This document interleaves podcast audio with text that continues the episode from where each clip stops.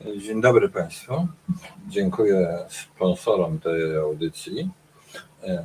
Agnodar i pan Małkiewicz. To nam jest bardzo potrzebne.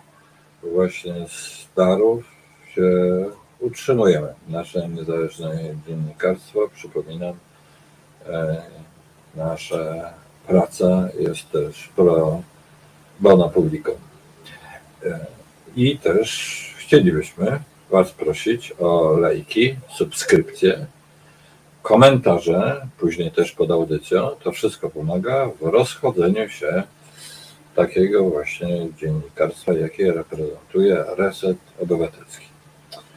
Dzisiaj będziemy mówić o, o e, odpowiedzialności polityków, takich psujów demokracji, no, którzy psuli konstytucję, złamali ją, no w ogóle ich rządy e, sprzeciwiają się jakimś podstawowym zasadom e, demokratycznych państw, demokratycznych zasad, bo w dużym stopniu chodzi też o zasady, mm, które e, obowiązują w Unii Europejskiej. Dzisiaj naszym gościem, czy moim gościem jest Mateusz Leźnicki. E, e, zaraz ja pokażę tutaj o Mateusza. E, jak dobry. Dobry wieczór, Kazimierz. Jak widzicie, tutaj będziemy mieli ten poważny problem prawny, jak to, mm, jak się uporać z takimi no, kandydatami na dyktatorów, czy już prawie dyktatorów, i, I jak taka demokracja, która jest przywrócona, ma potraktować mm, takich chętnych, by tę demokrację łamać. Ale jest dodatkowy oczywiście aspekt tej naszej rozmowy, bo jak widzicie, Mateusz jest dużo ode mnie młodszy. Ile ty masz lat? 34 jeszcze powiedzmy.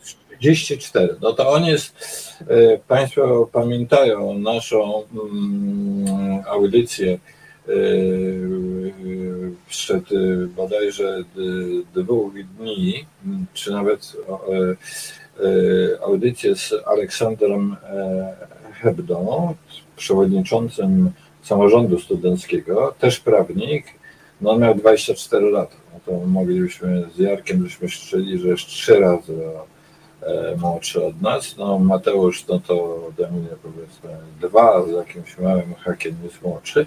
Tym niemniej też reprezentuje zdecydowanie młodsze e, pokolenie, więc też chcemy porozmawiać, Państwo pozwolą, o kwestię e, pokoleniowości. Jak te pokolenia się nawzajem widzą?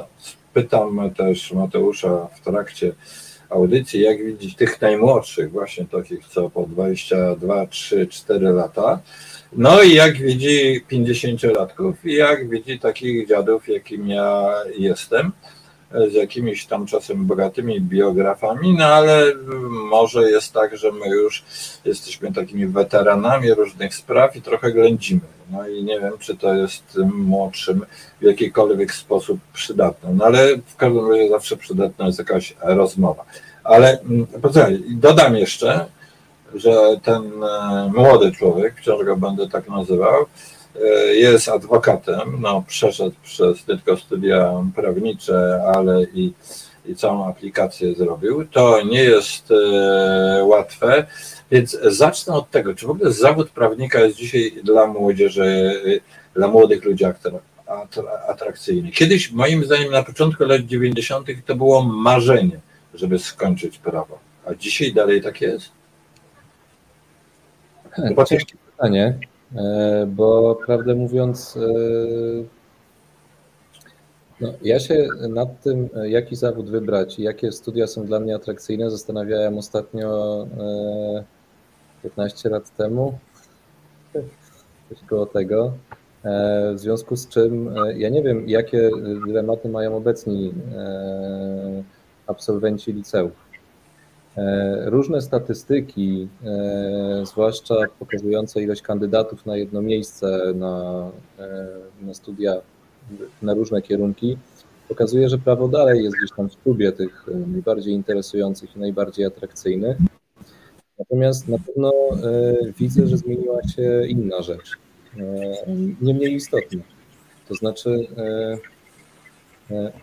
o ile jakaś, e, jakieś ekspektatywy co do tego, czym są studia prawnicze i co można po nich osiągnąć, jakby w dalszym ciągu są na początku bardzo e, wysokie. Czy wszyscy się spodziewają, że zawód prawnika rzeczywiście daje i poczucie bezpieczeństwa jakiegoś finansowego i dużą um, nie wiem, jakąś taką, taki, taki respekt e, społeczny i, i, jakby dużą wiedzę ogólną o świecie i że ta praca jest po prostu strasznie ciekawa. E, w zasadzie te, te wyobrażenia najczęściej e, buduje się na podstawie różnych filmów, seriali, książek kryminalnych i tak. No i rzeczywistość już po studiach mocno to weryfikuje. E, niestety zazwyczaj nie jest to przyjemne zaskoczenie, tylko raczej rozczarowanie. E, I rzeczywiście e, ciężko mi powiedzieć,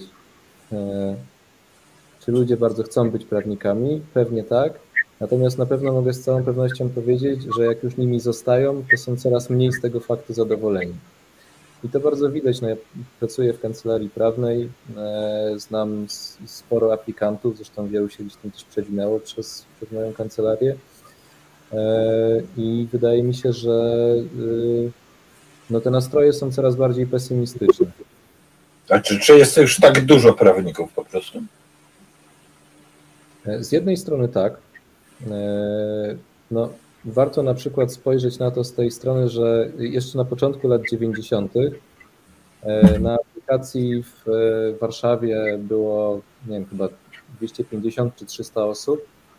E, w tej chwili to już jest około 2000 osób, e, więc to jest potężna różnica. Poza tym kiedyś znacznie mniejsza ilość ludzi zdawała egzaminy. One były czy mówiono, że, że dostęp generalnie i do aplikacji, i później do, do uprawnień adwokackich był trudniejszy, że był mniej otwarty, że tak naprawdę rządziły jakieś tam e, korporacyjne i rodzinne układy, ale pomijając to wszystko, e, faktem jest, że adwokatów było po prostu znacznie mniej na rynku. E, I właściwie z każdym rokiem to bardzo mocno przyspiesza. No pojawiło się też bardzo dużo uczelni, jakby poza UW są inne uniwersytety, są uniwersytety prywatne. W związku z czym, nie wiem, chyba prawo obecnie w Warszawie nie pamiętam najnowszych statystyk, ale jak jeszcze uczyłem na uczelni, to, e, to był 2018 rok, e, to już dochodziło to do 3,5 tysiąca absolwentów prawa w samej Warszawie co roku. No dobrze, dobrze, ale e, adwokat to nie prawnik. Adwokat to, no to taka, nie wiem, elita, tak jak sędziowie, prokuratorzy. Jak to? Czy, czy poprzez bardzo z pojęciem prawnika to jest też w ogóle skomplikowana sprawa, bo e, czy każdy adwokat jest prawnikiem? Nie każdy e, prawnik jest adwokatem. No i to jest jakby jasne. I to jest właściwie też najprostsza rzecz, którą można o tym powiedzieć. Znaczy, bo... chcesz powiedzieć, nie każdy adwokat jest dobrym prawnikiem, a nie każdy, e, no, że nie każdy prawnik jest adwokatem, to jest jasne, ale to, podkreślasz to, że adwokat przede wszystkim, przepraszam, że tak powiem, bo ja siedziałem wiesz, w więzieniu, no to tam się nauczyłem, że adwokatów się nazywa papugą, on ma dobrze gadać. No, yy, to znaczy no, adwokat... Nawet to, już jest, tak... nawet to już jest zupełnie nieaktualne. No. Dlatego, że, że proces sądowy, który kiedyś był jednak w dużej mierze ustny i gdzieś tam te mowy obrończe, czy e, stanowiska końcowe adwokatów, nie wiem, w sprawach cywilnych czy administracyjnych miały rzeczywiście jakieś istotne znaczenie, tak teraz w zasadzie cały proces przenosi się na formułę pisemną i powiedziałbym wręcz, że często to się widzi przed sądem, że stanowisko końcowe to jest tylko takie dekorum. Natomiast wszystko, sąd tak naprawdę już często ma wyrobioną opinię na podstawie pism procesowych, które zostały wcześniej złożone do akt. I cała połowa pism była pisana przez, będzie pisana przez sztuczną inteligencję, tak? Nie, znaczy co do tego to akurat nie byłbym aż tak. Yy, właśnie nie wiem, czy optymistyczny, czy pesymistyczny. Z jednej strony yy, to jest fajna pomoc. Znaczy nie, nie patrzę na sztuczną inteligencję jak na jakieś zagrożenie, yy, jeśli chodzi akurat o mój zawód. E, powiedziałbym, że no, to jest po prostu kolejne narzędzie, które pewnie z czasem będzie coraz doskonalsze i będzie dało się je wykorzystywać do tego, żeby tę pracę, nie wiem, przyspieszyć, ułatwić. No to powiedziałeś ciekawą rzecz, ale byśmy zboczyli, gdybyśmy się zajęli teraz sztuczną inteligencją. Natomiast ja może wyjaśnię, dlaczego mm, e, e, ciebie, znaczy jako młodszego prawnika poprosiłem o też komentarz i te pytanie chcę zadać, jaka jest ta odpowiedzialność za łamanie demokracji, bo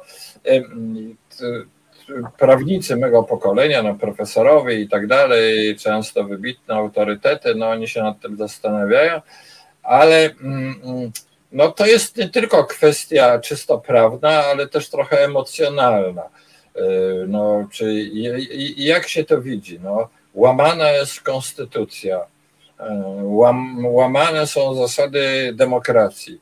Czy to powinno e, być osądzane i czy prawo, no wobec też polityków, prawda, którzy to robią, no bo to się robi od góry, będąc w rządzie i tak dalej, czy, mm, czy to powinno być no powiem już twardo, karane, prawda? No ten problem jest w Stanach Zjednoczonych. Niektórzy twierdzą, że jednak prezydent Stanów Zjednoczonych to jednak to jest proces polityczny, tak się republikanie niekiedy bronią. Sarkozy'ego osadzono w domu i dano mu tą, tą na nogę, tą obręcz, jak to się tam nazywa, prawda? No, oczywiście można no, no, w pewien sposób poniżyć taką, no, to jest trochę poniżające prezydenta, no ale popełnił przestępstwa, tam chodziło o przestępstwa finansowe.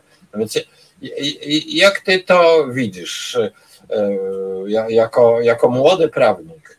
Czy chciałbyś, żeby w kraju, w którym żyjesz, obowiązywała taka twarda odpowiedzialność e, polityków? Złamał konstytucję, złamał prawo, to dlatego właśnie, że jest przy rządzie, jest wysoko, to nie ma litości. Czy też odwrotnie, obawa o rany, nie wiadomo, czy ci następcy się nie mszczą, lepiej dać im e, różne immunitety. No, tak bardzo to może prosto sformułowałem, ale sądzę, że tak, takie pytania sobie zadajemy, prawda?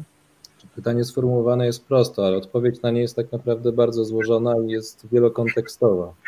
Znaczy, y, jakby na takim podstawowym poziomie to ta odpowiedź też jest prosta. To znaczy, no tak, za e, złamanie prawa e, powinny za tym iść jakieś konsekwencje i generalnie prawo, które nie, e, nie jest respektowane w tym sensie, że nie da się go wyegzekwować, nie, nie ma za nie żadnych sankcji, nie ma za nie żadnej odpowiedzialności, no tak naprawdę jest prawem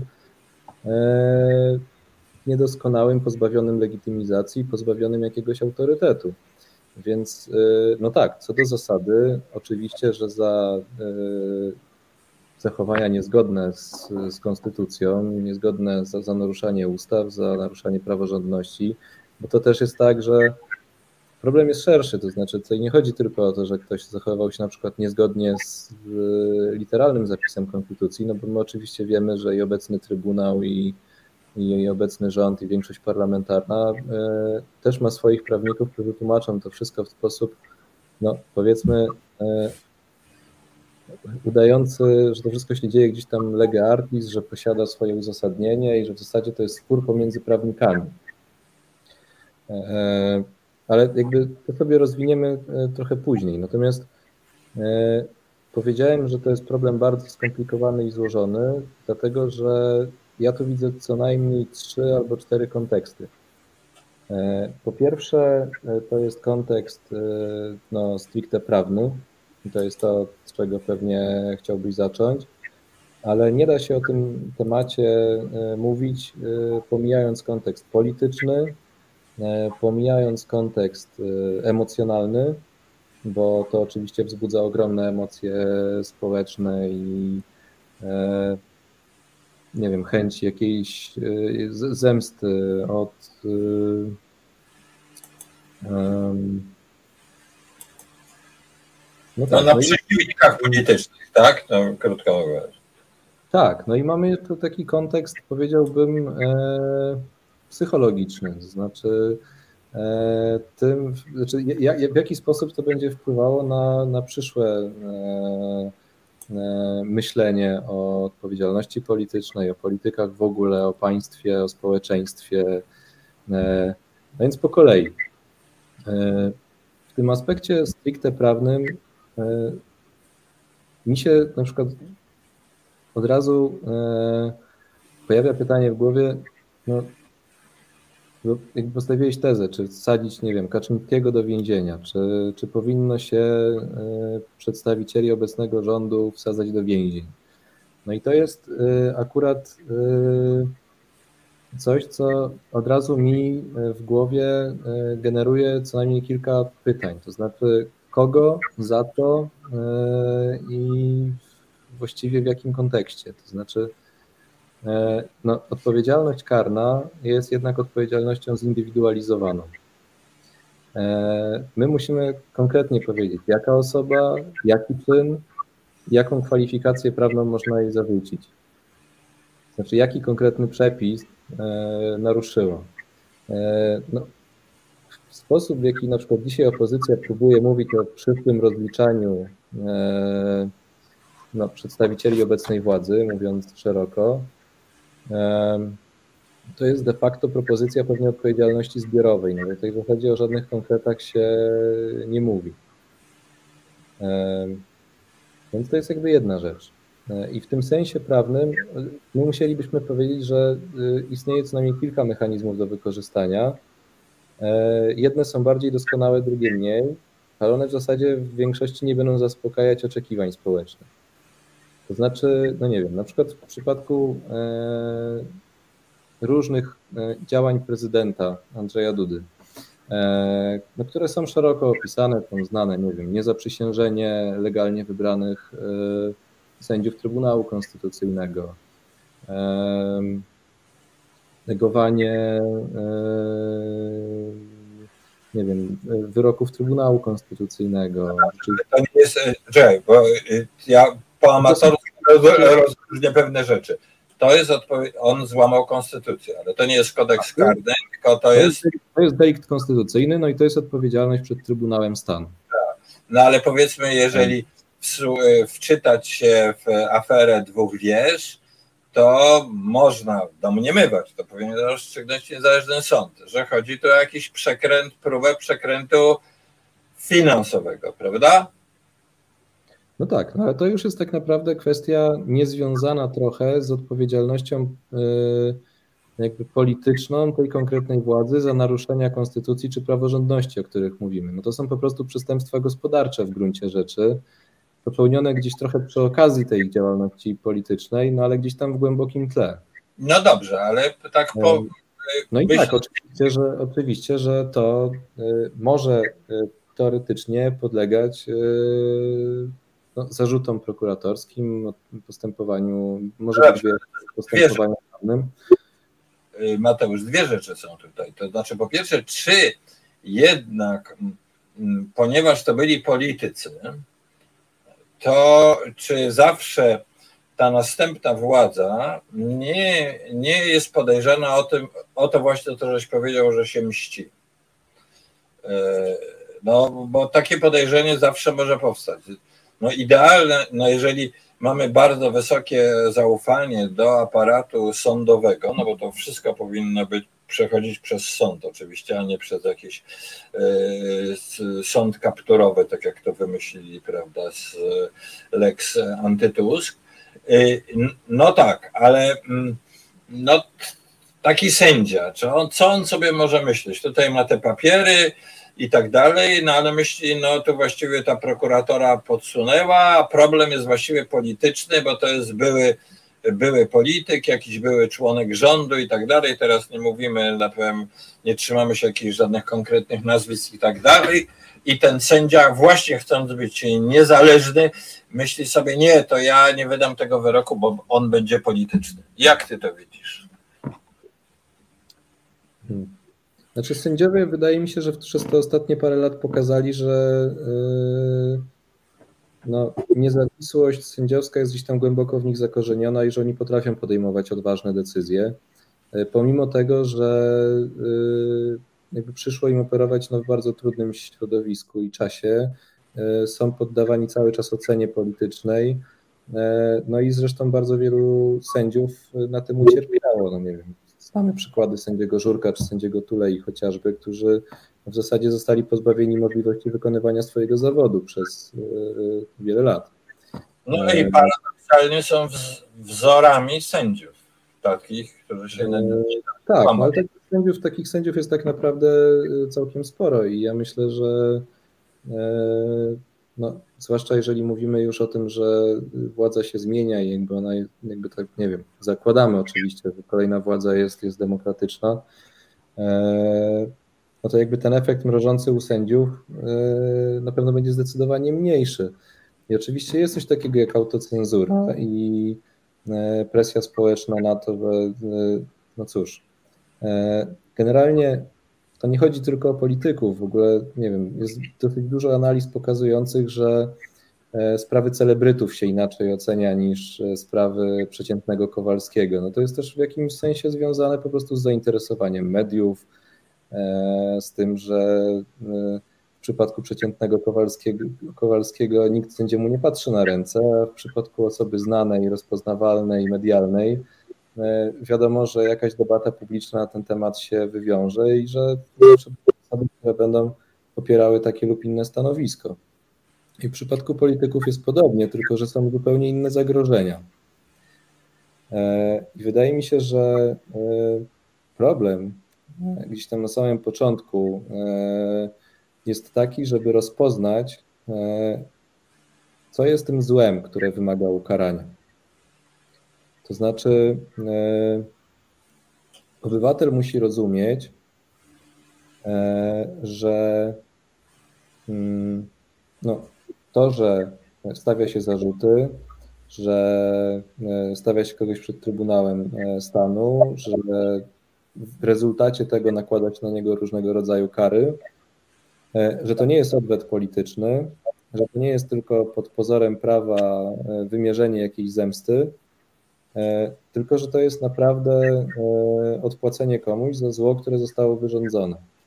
No i teraz podstawowy problem w przypadku tych przestępstw, no powiedzmy, politycznych, tak, deliktów konstytucyjnych, których my no, w gruncie rzeczy chyba to jest jakby głównym, główną osią tej rozmowy, Problemem jest to, że bardzo wielu ludzi nie rozumie, na czym polega problem, na czym polega to zło w sensie moralnym. No bo jak ktoś e, coś ukradnie, no to zło moralne jest oczywiste. Jak ktoś kogoś zabije, to zło moralne jest oczywiste. E, jak ktoś, e, nie wiem, nawet komuś naubliża albo kogoś znieważy, no to jakby dużo łatwiej jest rozpoznać, na czym polega zło wyrządzone przez tego człowieka. Natomiast z punktu widzenia wyborcy partii obecnie rządzącej, e, wytłumaczenie, dlaczego za te działania, które nie podejmowali przez ostatnie lata, należy się sankcja o charakterze no, karnym czy, czy, czy konstytucyjnym, no to jest trudne do wytłumaczenia. Dlatego, że my wchodzimy na zupełnie inny poziom percepcji i w zasadzie tego, że e, myślę, że, że tutaj dyskutujemy już w ogóle o tym, co jest istotą i funkcją prawa. E, czy prawo... to, e, czekaj, bo ty już jesteś, ja, ja wiem, bo, bo mówiłeś mi, że ty w ogóle pracę magisterską, czy to, to pisałeś o, o w sprawach e, konstytucjonalizmu i tak dalej. To zaraz będziesz mówił tak skomplikowanie, że ja nie, nie zrozumiem. Natomiast ja ci chcę inną zadać, o złodziejstwo zadać pytanie. Bo, posłuchaj, no przecież PiS robi coś takiego, że są rotacje w spółkach Skarbu Państwa albo w telewizji płaci się jakieś kominowe płace tym propagandzistom w tej szczujni. E, I teraz, czy istnieją jakiekolwiek przepisy, które by mówiły, nie wiem, o niegospodarności, o jakichś nadzwyczajnych zyskach i tak dalej. No bo przecież y, Kaczyński robi nic innego, jak usiłuje ten bardzo szeroką klikę po prostu opłacić, żeby to byli jego ludzie, którzy będą od niego zależni, spełniali jego polecenia, byli mu wierni, bo się dzięki niemu dorobili. Przecież ma się chyba powszechnie poczucie, e, nie wiem czy wśród zwolenników PiSu, że to są pieniądze w jakimś szerszym e, sensie ukradzione. Ukradzione. Zresztą wśród e, zwolenników PiSu panuje też takie fajne przekonanie, że też kradną, ale się przynajmniej dzielą. Więc czy istnieje jakieś możliwości prawne, żeby coś takiego nie tylko ukrócić, bo ukrócić można sobie wyobrazić, ale jak gdyby dokonać na jakiegoś aktu sprawiedliwości. Te pieniądze, które nie zostały uczciwie zarobione, ktoś był szefem spółki państwowej jakieś przez pół roku i dostał później jakąś gigantyczną odprawę, był, albo był półtora roku, wcale się na tym nie znał, ale chodziło o to, żeby go kupić. Czy istnieją tutaj jakieś, czy prawo może tutaj zadziałać? To zależy od konkretnego przypadku, bo e, prawdopodobnie przypadek e, wielu, nie wiem, prezesów spółek Skarbu Państwa będzie zupełnie inny. E, są osoby, które mają ku sprawowaniu tych funkcji jakieś formalne przynajmniej kompetencje albo, albo wykształcenie i które rzeczywiście tę pracę lepiej lub gorzej wykonywały i są takie osoby, które rzeczywiście były tylko figurantami. Natomiast nawet w przypadku tych osób, no, nie znam, nie wiem jakie mają, jakie podpisali umowy, jak to się wszystko w trybie formalnym e, odbyło, natomiast zakładam, że to wszystko jest zrobione jednak zgodnie e, z przepisami i że w sensie takim czysto formalnym to pewnie trudno będzie im postawić zarzuty. Bo to, co nazywasz niegospodarnością, to oczywiście jest jakaś niegospodarność, e, no w sensie takim szerszym, ekonomicznym, możemy się oburzać na to, że nie wiem, pani, która jeszcze e, pół roku temu była nauczycielką historii w szkole, e, została prezesem, e, nie wiem, dużej spółki Skarbu Państwa, która zarządza miliardami złotych i dostaje z tego tytułu pensję, nie wiem, 150 razy wyższą niż dostawała wcześniej, no to jest w jakimś sensie może oburzające tak i emocjonalnie, i mm, nie wiem, też powiedziałbym zdroworozsądkowo, E, ale w sensie prawnym to wcale nie musi być e, żadne naruszenie. I spodziewam się, że te kontrakty są podpisane zgodnie z literą prawa. One nie przekraczają limitów ustawowych. E, zresztą też jest kwestia tego, że no, PiS w taki sposób wyregulował no, chociażby te ustawy kominowe, że no, w zasadzie one są szyte na miarę jakby tych zamierzeń. No, czy krótko mówiąc, to co PO, o ile ja się orientuję, PO usiłował te kominowe e, płace jakoś ograniczyć, a właściwie PiS je przywrócił, prawda? Czy nie tak jest? Znaczy, wydaje mi się, że dalej jakieś regulacje obowiązują, natomiast no, na pewno doszło do dużego rozluźnienia. Natomiast tak. Wiesz, tak naprawdę mówiąc, jeśli chodzi nie wiem, o to, że ktoś został na pół roku zatrudniony, po czym e, odszedł albo nie wiem, został zwolniony i dano mu odprawę i tak dalej, no to e, z punktu widzenia prawa, no jeżeli ktoś miał okres wypowiedzenia i ten okres wypowiedzenia zachowano w jedną bądź w drugą stronę, no to jakby wszystko jest zgodne z prawem. Jeżeli ta odprawa była przewidziana w kontrakcie, no to to też jest zgodne z prawem. A to, czy te przepisy się nadużywa, czy wybierać tych prezesów w sposób gospodarny bądź niegospodarny, no w przypadku spółek Skarbu Państwa kontroluje to NIK. No dobrze, a mnie zastanawiało coś takiego, że, e, że to plotka, nie, nie, trzeba by to dowieść, że tak było, ale że, że ci ludzie, którzy dostają te wysokie pensje w, spółkach, w spółkach Skarbu Państwa i jakieś podobnie poustawiani, to wszyscy płacą jakiś taki haracz na PiS. To znaczy w gruncie rzeczy PiS jako partia się tym zajmuje. To nie jest plotka. W gruncie rzeczy wyciekło całkiem sporo e, dokumentów bankowych pokazujących, że bardzo duża grupa tych, e, no, e, powiedziałbym, establishmentu spółek Skarbu Państwa przelewała w podobnym czasie dokładnie takie same sumy pieniędzy na rachunek partyjny. Nie wiem, było 30 no tysięcy I, i, I powiedz mi, tutaj nie ma jakichś przepisów prawnych, które by powiedziały, że coś tu jest nie w porządku. Mm, ale co, to, że były wykonywane takie przelewy na rachunek partyjny? No nie, no wiesz, to, to wygląda na jakiś taki haracz. To, to znaczy ja, yy, że tak powiem, mianuje się ludzi na yy, jakieś lukratywne posady i oni za to, że tak powiem, zwracają część pieniędzy. No to przepraszam, no to gdzieś no, taki zdrowy chłopski rozum że użyję takiego wyrażenia, no to jest jakiś szwindel. No, no ale czy ja wiem, że. Pan... Myślę, że nie tylko na chłopski rozum jest to szwindel, natomiast w sensie prawnym musisz mieć bardzo mocne dowody na to, że tak było. No i.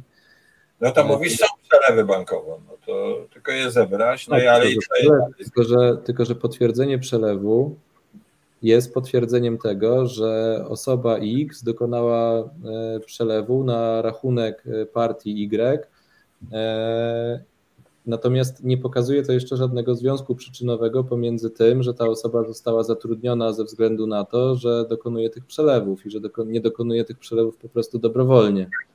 Bo w gruncie rzeczy każdy z nas, i ty, i ja, też moglibyśmy dzisiaj czy jutro wykonać 30 tysięcy na preferowaną przez nas partię e, polityczną. Znaczy, ja nie to zarabiasz. Ja bym 30 tysięcy to w żadnym wypadku. No, ale dobrze. Nawet gdybym dobrze zarabiał, to prawdopodobnie mm, znalazłbym lepsze sposoby na przeznaczenie tych pieniędzy. Nawet jeżeli miałoby to być pro publico bono. No dobrze, to teraz, ja Ci zadam takie pytanie. Powiedziałeś, mówiłeś o Tulei.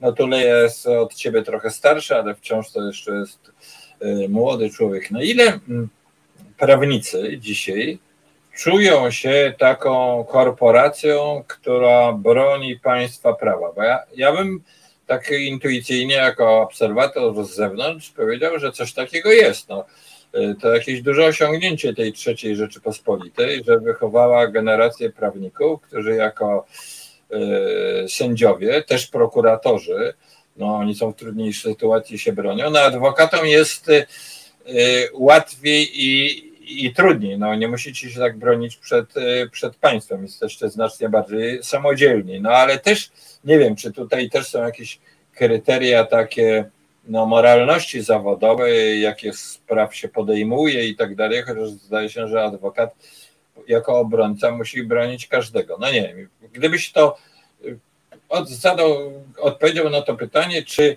Y, ta młodsza część y, tego, tej korporacji prawniczej, czy uważasz, że posiada taki no, etos prawników? No, są te znane nazwiska adwokatów, Dubois i tak dalej, i tak dalej, to są jakieś tuzy, ale teraz o twoim pokoleniu prawników. Jak ty uważasz? Czy rozmawiacie o tym i czy istnieje takie no, takie poczucie, jesteśmy korporacją, która broni państwa prawa, broni jakichś bardzo ważnych wartości. Znaczy to ja cofnę się do tego, od czego zaczęliśmy w zasadzie naszą rozmowę i muszę powiedzieć, że prawnicy to jest bardzo szeroki worek e, ludzi, który e, no jest to jakiś wspólny mianownik, ale on jest strasznie szeroki. E, prawnikiem jest e, pani profesor Ewa Łętowska, e, prawnikiem jest Adam Bodnar, ale prawnikiem jest też Andrzej Piotrowicz i Krystyna Pawłowicz. Cała masa prawników załatwiaczy, tak zwanych, prawnicy profesjonaliści, którzy po prostu pracują w kancelariach prawnych bądź w jakichś korporacjach, spółkach i tak dalej, i po prostu wykonują swoją pracę i, i robią to czysto jakby zawodowo. E, jest masa prawników e, e, w służbie biznesu, są prawnicy w służbie pokrzywdzonych i są prawnicy w służbie polityki. Więc myślę, że każda z tych grup kieruje się swoim własnym etosem i on będzie inny dla poszczególnych jednostek. I co więcej, wydaje mi się, że e, to nie jest kwestia pokoleniowa. Znaczy, że w każdym pokoleniu ten e, konflikt pomiędzy, znaczy po pierwsze jakby różne role, które prawnicy pełnią w ogóle w społeczeństwie i sposoby, w jaki wykonują swój zawód, to jest jakby jedna rzecz. E, no a druga rzecz, że pewne wojny te ideologiczne wśród prawników, one się toczą od yy, właściwie od zawsze. No i yy, yy, Natomiast nie każdy prawnik jest niezaangażowany na pewno. I nawet jeżeli mówimy teraz o jakimś etosie, nie wiem, obrony państwa prawa i tak dalej, no to e, powiedziałbym, że e, zaangażowanie większości prawników, których znam, no w zasadzie e, nawet jeżeli jest, bo też nie wszyscy się zgadzają z tym, że trzeba tego bronić, ale nawet ci, którzy bronią, no to w zasadzie ich zaangażowanie ogranicza się do tego, że się e, od wielkiego dzwonu pójdzie na jakąś manifestację. Natomiast no, ciężko powiedzieć, że jest to e, realizacja jakiegoś e, etosu zawodowego. Wiesz, ja może patrzę na to w sposób absolutnie e, skrzywiony i bardzo niekompetentny. Mój ojciec był Prawnicy, Wśród prawników są po prostu bardzo, bardzo różni ludzie. Jest to zawód jak każdy inny i są osoby, które są naprawdę, i jeśli chodzi o wiedzę, jeśli chodzi o doświadczenie, jeśli chodzi o ten etos no, na, na, na, bardzo wysokim poziomie i są takie osoby, które y, zupełnie nie przywiązują do tego wagi ale są też takie osoby, które wykorzystują prawo do e, bardzo instrumentalnych celów. E, no wiesz, tylko nie, nie dokończyłem myśli. Wiesz, mój ojciec był adwokatem. Wiesz, no w bardzo trudnych e, czasach stalinowskich w 57 roku mógł, dopiero w 57 roku mógł nim zostać, zdał ten egzamin, tam w 54 to było dla niego niemożliwe, ale zawsze od niego słyszałem, że w tym zawodzie adwokata były w tych trudnych czasach takie autorytety y, i że mm, y, oczywiście ta adwokatura wyglądała bardzo różnie, to jednak było tych kilku adwokatów, którzy no, wydawali oceny. Jeżeli oni powiedzieli, że coś jest nieprzyzwoite, to to no, większość uznawała. Y, no, dla, mnie, dla mnie takim autorytetem dzisiaj, nie wiem, wśród sędziów jest y, właśnie Tuleja, prawda, no, który y, jest, stał się symbolem. Nie wiem, jaki jest, może wśród adwokatów dzisiaj nie ma aż takiej potrzeby, jak było wtedy, no bo wtedy były procesy polityczne. Ci, którzy bronili w procesach politycznych, mieli od razu jakiś autorytet. Miejmy nadzieję, że do procesów politycznych w Polsce nie dojdzie, ale chodzi mi o, o istnienie no, autorytetów w tym e, zawodzie prawniczym. No, Łętowska pewno jest takim autorytetem, prawda? No, tak jak wymieniłem, no, jest, jest profesor Łętowski. Znaczy, autorytetów jest wiele, tylko że każdy, każdy znajdzie gdzieś tam ten swój autorytet i dla dużej części prawników i młodszego i starszego pokolenia ani profesor Łętowska, ani doktor Bodnar nie będą autorytetami, wręcz przeciwnie. E, ani sędzia Tuleja. Znaczy, no, pamiętajmy przecież o tym, że sędzia Tuleja e, został zawieszony w e, prawie do wykonywania swojego zawodu nie bezpośrednio decyzją polityków, tylko decyzją prezesa sądu, w którym orzekał. I w dużej mierze administracja, która tam pracuje, składająca się również z sędziów, no to nie są ludzie, którzy wspierają ideologicznie, czy jakby zajmują stanowisko e, sędziego Tulei. E, spór, nie wiem, no znam kilka takich sądów, o kilku dużo się pisało.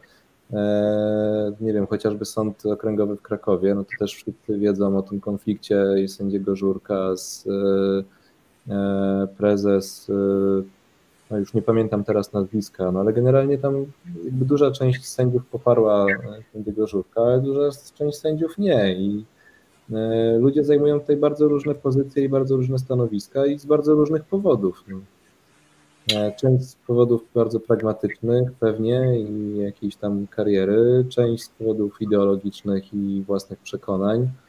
E, część y, być może po prostu nie chce zajmować stanowiska i uznaje, że no, sędziowie w ogóle jakby nie, nie powinni się tym zajmować. Dobrze, to ja już zatrzymajmy się przy tych problemach korporacji prawników. Natomiast, znaczy wiesz co, ja bym to pociągnął trochę jeszcze w inną stronę, bo wydaje mi się, że jakby pokaza próbowałem pokazać, że trudno jest sprowadzać wszystkich prawników do jednego mianownika i jakby mówienie, że no wszyscy prawnicy są super, albo że wszyscy prawnicy są beznadziejni, to, to by było bardzo duże nadużycie. Natomiast problem z prawnikami polega na tym, że my w ogóle mamy problem z zdefiniowaniem tego, czym jest prawo, a w zasadzie jakie są funkcje prawa, jakie są cele prawa. I bardzo często się zapomina o tym, że no, prawo nie jest, czy może inaczej, prawo jest przede wszystkim narzędziem do realizacji różnych celów. Jest jakimś instrumentem. Do... Czekaj, czekaj, nie, zaraz, zaraz. Ci. Jestem teraz oburzony do realizacji celów. Wydawało mi się, że prawo no, w niedoskonały sposób ma w jakiś odzwierciedla zbiorowe poczucie sprawiedliwości. A jak ty mówisz, że ma cele, to jedni mają takie cele, drugie, drudzy mają inne cele. No to zrobią z prawa jakieś takie no, bardzo subiektywne narzędzie. A gdzie jest poczucie no, sprawiedliwości? Przepraszam, że ci przerwałem, ale tak wiesz. Nie, rozumiem, co Natomiast wiesz, 90% ustaw e, w ogóle jest obojętna z punktu widzenia poczucia sprawiedliwości czy słuszności. Znaczy, yy, my mamy w tej chwili w Polsce pewnie kilkadziesiąt tysięcy ustaw i większość z nich zajmuje się problemami jakby zupełnie niezwiązanymi z jakąkolwiek, nie wiem, poczuciem moralności, etyki i tak dalej no tylko rozwiązują po prostu kolej, jakieś bardzo konkretne problemy. Nie wiem, to są ustawy o szkolnictwie wyższym, e, które regulują po prostu e, funkcjonowanie e, uczelni wyższych i tak dalej. Są jakieś ustawy administracyjne, nie wiem, o zajmujące się kwestią mm, nie wiem, wodami, rzekami, lasami państwowymi, niepaństwowymi, różnymi, są ustawy, nie wiem, gospodarcze, e, organizacyjne i tak dalej. Więc jakby większość prawa jakby nie służy do tego, żeby e, realizować jakieś poczucie słuszności czy sprawiedliwości, tylko no jest narzędziem do regulowania określonych sfer życia. W zasadzie prawo reguluje zupełnie wszystko. A nie wszystko, czym my się zajmujemy w państwie, E, jest wrażliwe w sensie etycznym. No dobrze, no zgoda. Przepisy ruchu. E, no chociażby. Ruchu tak. no. no ale już muszę ci powiedzieć, e, ta ustawa czarnka, która pozwala. Ale tego, jakby, jakby mógł jeszcze dokończyć tylko myśl. Tak, tak, tak dobrze. No bo nawet jeżeli mówimy o, o, nie wiem, o konstytucji, no to konstytucja tak naprawdę jako prawo E, też jest pewnym instrumentem do realizacji określonych celów. E, I tym celem konstytucji jest e, przede wszystkim określenie granic, w ramach których władza, obywatele, znaczy suweren jego reprezentanci mogą się poruszać. Nie, nie, nie, nie używaj słowa suweren, bo to jest wyrażenie Kaczyńskiego. Może on dlatego, że jest prawnikiem to używa, ale okropne powiedzenie. To mnie razi mówić suweren. Znaczy. No, społeczeństwo. No, powiem tak. W doktrynach filozoficzno-prawnych y, jest to pojęcie o charakterze zupełnie neutralnym, jest bardzo często używane i nie przypisywałbym mu jakichś negatywnych konotacji jakby rozumiem, że w języku potocznym w, ostatnim, w ostatnich czasach ono się trochę rzeczywiście zaczęło kojarzyć źle, no bo zostało wykorzystane w konkretnym celu, ale zwał jak zwał. Znaczy można powiedzieć suweren, można powiedzieć naród, można powiedzieć e, społeczeństwo. No, e, w gruncie rzeczy mamy na myśli podobne rzeczy. E, no więc e, konstytucja ma przede wszystkim określać granice, co, kto, co komu wolno, do jakich rzeczy się wolno posunąć, do jakich nie, jakie kto ma prawa i które z tych praw mają charakter bezwzględny, a które mogą być ograniczane, jeżeli ograniczone, to w jakim zakresie. E, no i jak ten ustrój państwowy ma być zorganizowany, żeby realizować no jednak jakieś wartości stojące u podstaw tej konstytucji. No i w zasadzie, nie wiem, zasada trójpodziału władz, zasada właśnie suwerenności narodu, nie wiem, zasada e, demokratycznego państwa prawnego, sprawiedliwości społecznej i tak dalej, no to są wszystko tak naprawdę e, pojęcia nie o charakterze prawnym. One są oczywiście zapisane w formule normy prawnej w Konstytucji, no ale to są wartości o charakterze pozaprawnym. No dobrze, ale jak mówisz wartości, to ja się zgadzam. Jak mówisz no tak, ale, ale nowości, to, ale, to... Ale konstytucja, konstytucja jakby w tym sensie jest instrumentem, że ona ma, ma tych wartości strzec, ma tych y, wartości bronić, ma je potwierdzać częściowo, a częściowo y, wykluczać. Znaczy, prawo służy do, w jakiś sposób do nazywania rzeczywistości, do regulowania rzeczywistości, do kreowania pewnych zachowań bądź zniechęcania do innych zachowań, no ale w gruncie rzeczy jest to po prostu instrument, jakieś narzędzie do wprowadzenia konkretnych e, ludzkich zachowań. No dobrze, ale teraz przy, uciek, uciek, ucieknijmy od tej problematyki prawnej, natomiast zajmijmy się troszeczkę czym innym. Czy Twoim poczuciu? Ja wiem, że to są zawsze takie uogólnienia, są e, ryzykowne, trudne. E, ludzie taki jak ty ich często unikają, ale czy Twoje pokolenie, powiedzmy, nazwijmy to 35-latków, trochę młodszych, trochę starszych, ma silnie zakorzenione poczucie sprawiedliwości? Czy też inne, że tak powiem, wartości są dla niego ważniejsze? Nie wiem, dobrobyt, E, nie wiem, rozrywka. No bo dla mojego pokolenia, tego pokolenia marca 68, no to była wręcz e, obsesja. E, no, związana z tamtą sytuacją polityczną. Teraz jest inaczej. I teraz, czy, czy wy, pozwolisz, że użyję takiego mm, tego zaimka, macie wśród swoich priorytetów no, poczucie sprawiedliwości. Czy też to na przykład myślicie o rany i tak z tą sprawiedliwością jest tak źle, mnie to najmniej interesuje, są inne priorytety.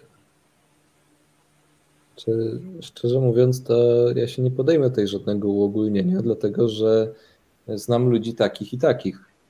E, I ciężko mi powiedzieć, których jest więcej. Czy są osoby, które e, ten powiedzmy kręgosłup moralny i poczucie, nie wiem, sprawiedliwości, e, jakiś etos też, no jako, nie wiem, bo to nie mówię tylko o prawnikach, no ale generalnie etos obywatelski czy właśnie demokratyczny mają bardzo silnie zakorzeniony i bardzo go pielęgnują. No i są takie osoby, które w zasadzie w ogóle jakbyś tym nie, nie zajmują, nie interesują, prowadzą po prostu e, swoje codzienne życie i biorą jakieś różne sprawy w swoje ręce, no ale w ogóle nie wiem. Czy... Ja to, znaczy nie, nie, nie, nie, nie wiem, czy jest Znaczy, ja, e, ja też wcale nie mam przekonania, jak mówisz o tym, że w Twoim pokoleniu to była obsesja, e, że z takiego socjologicznego punktu widzenia jest to teza prawdziwa.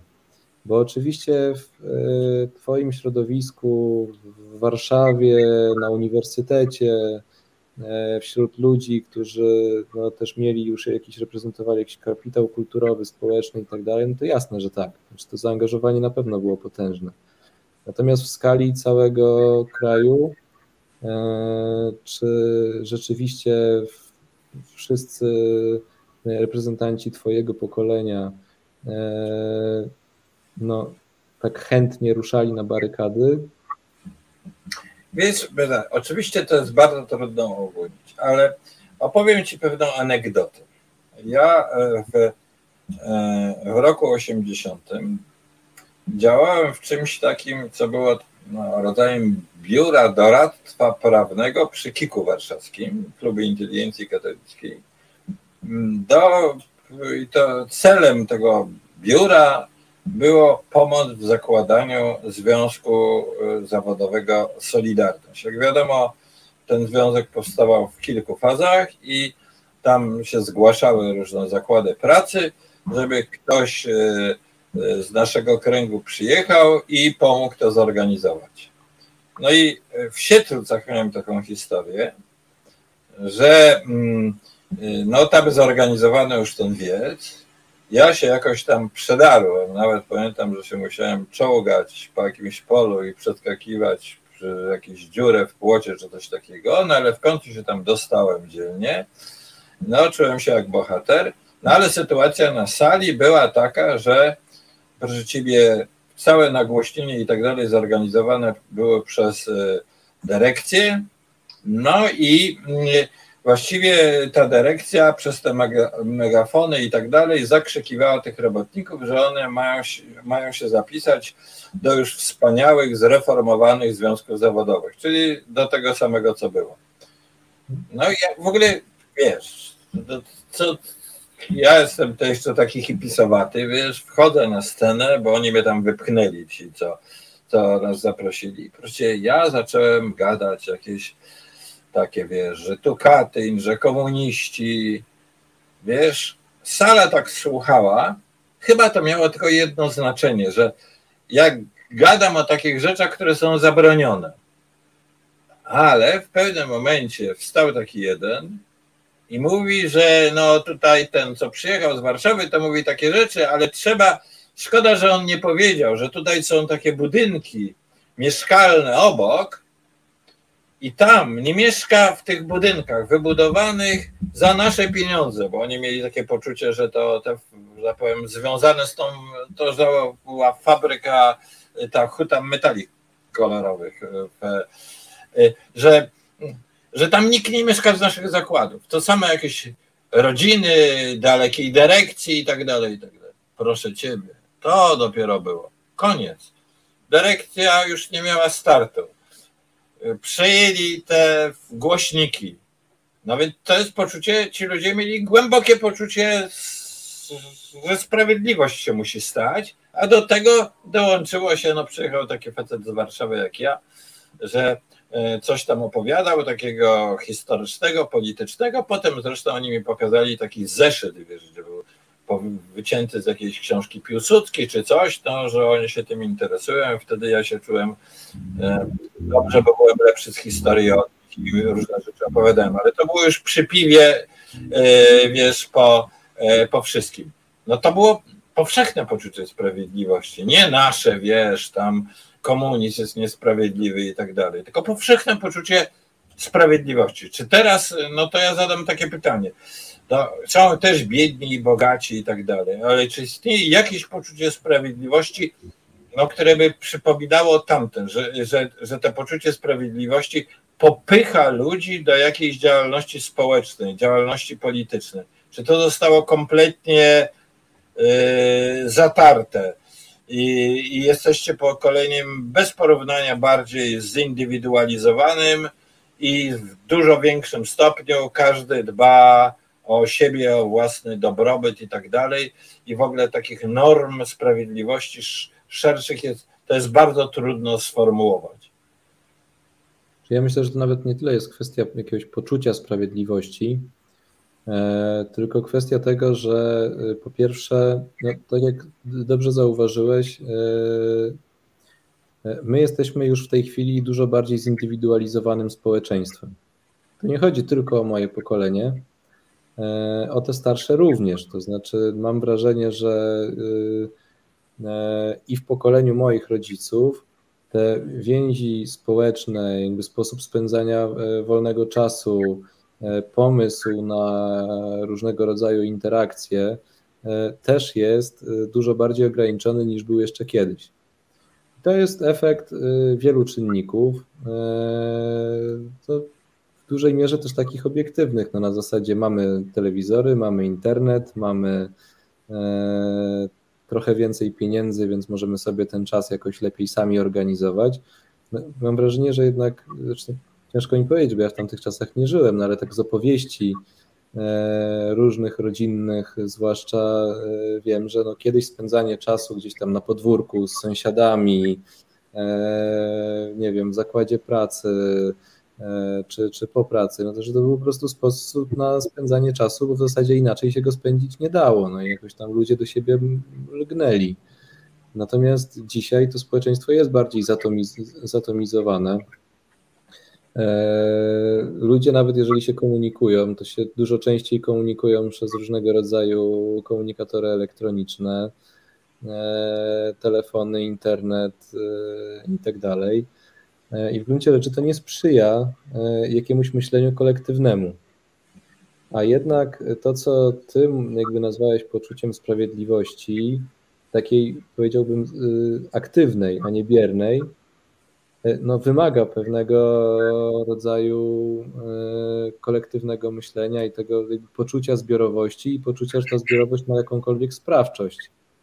Mam wrażenie, że problem mojego pokolenia polega głównie na tym, że chyba większość z nas nie ma poczucia żadnej sprawczości.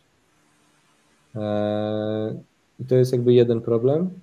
E, drugi problem polega na tym, że no w zasadzie nie wiadomo przeciwko komu się de facto buntować, bo e, w przypadku, który ty opisywałeś, no to w zasadzie cała odpowiedzialność i polityczna, i gospodarcza, i zawodowa spoczywała na jednej partii. Natomiast dzisiaj o różne rzeczy można mieć pretensje do bardzo różnych aktorów sceny e, politycznej i społecznej.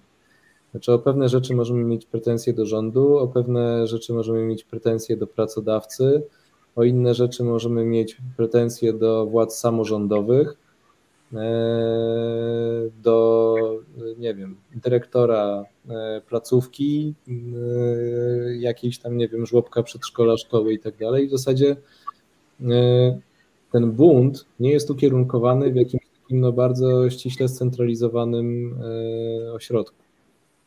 No Mateusz, ale rozmawiamy nie pierwszy raz, zanim się zdecydowaliśmy, żeby porozmawiać publicznie, bo uznaliśmy nasze wcześniejsze rozmowy za e, na tyle ciekawe, że chcieliśmy się no, podzielić taką atmosferą rozmowy, jakiegoś sporu.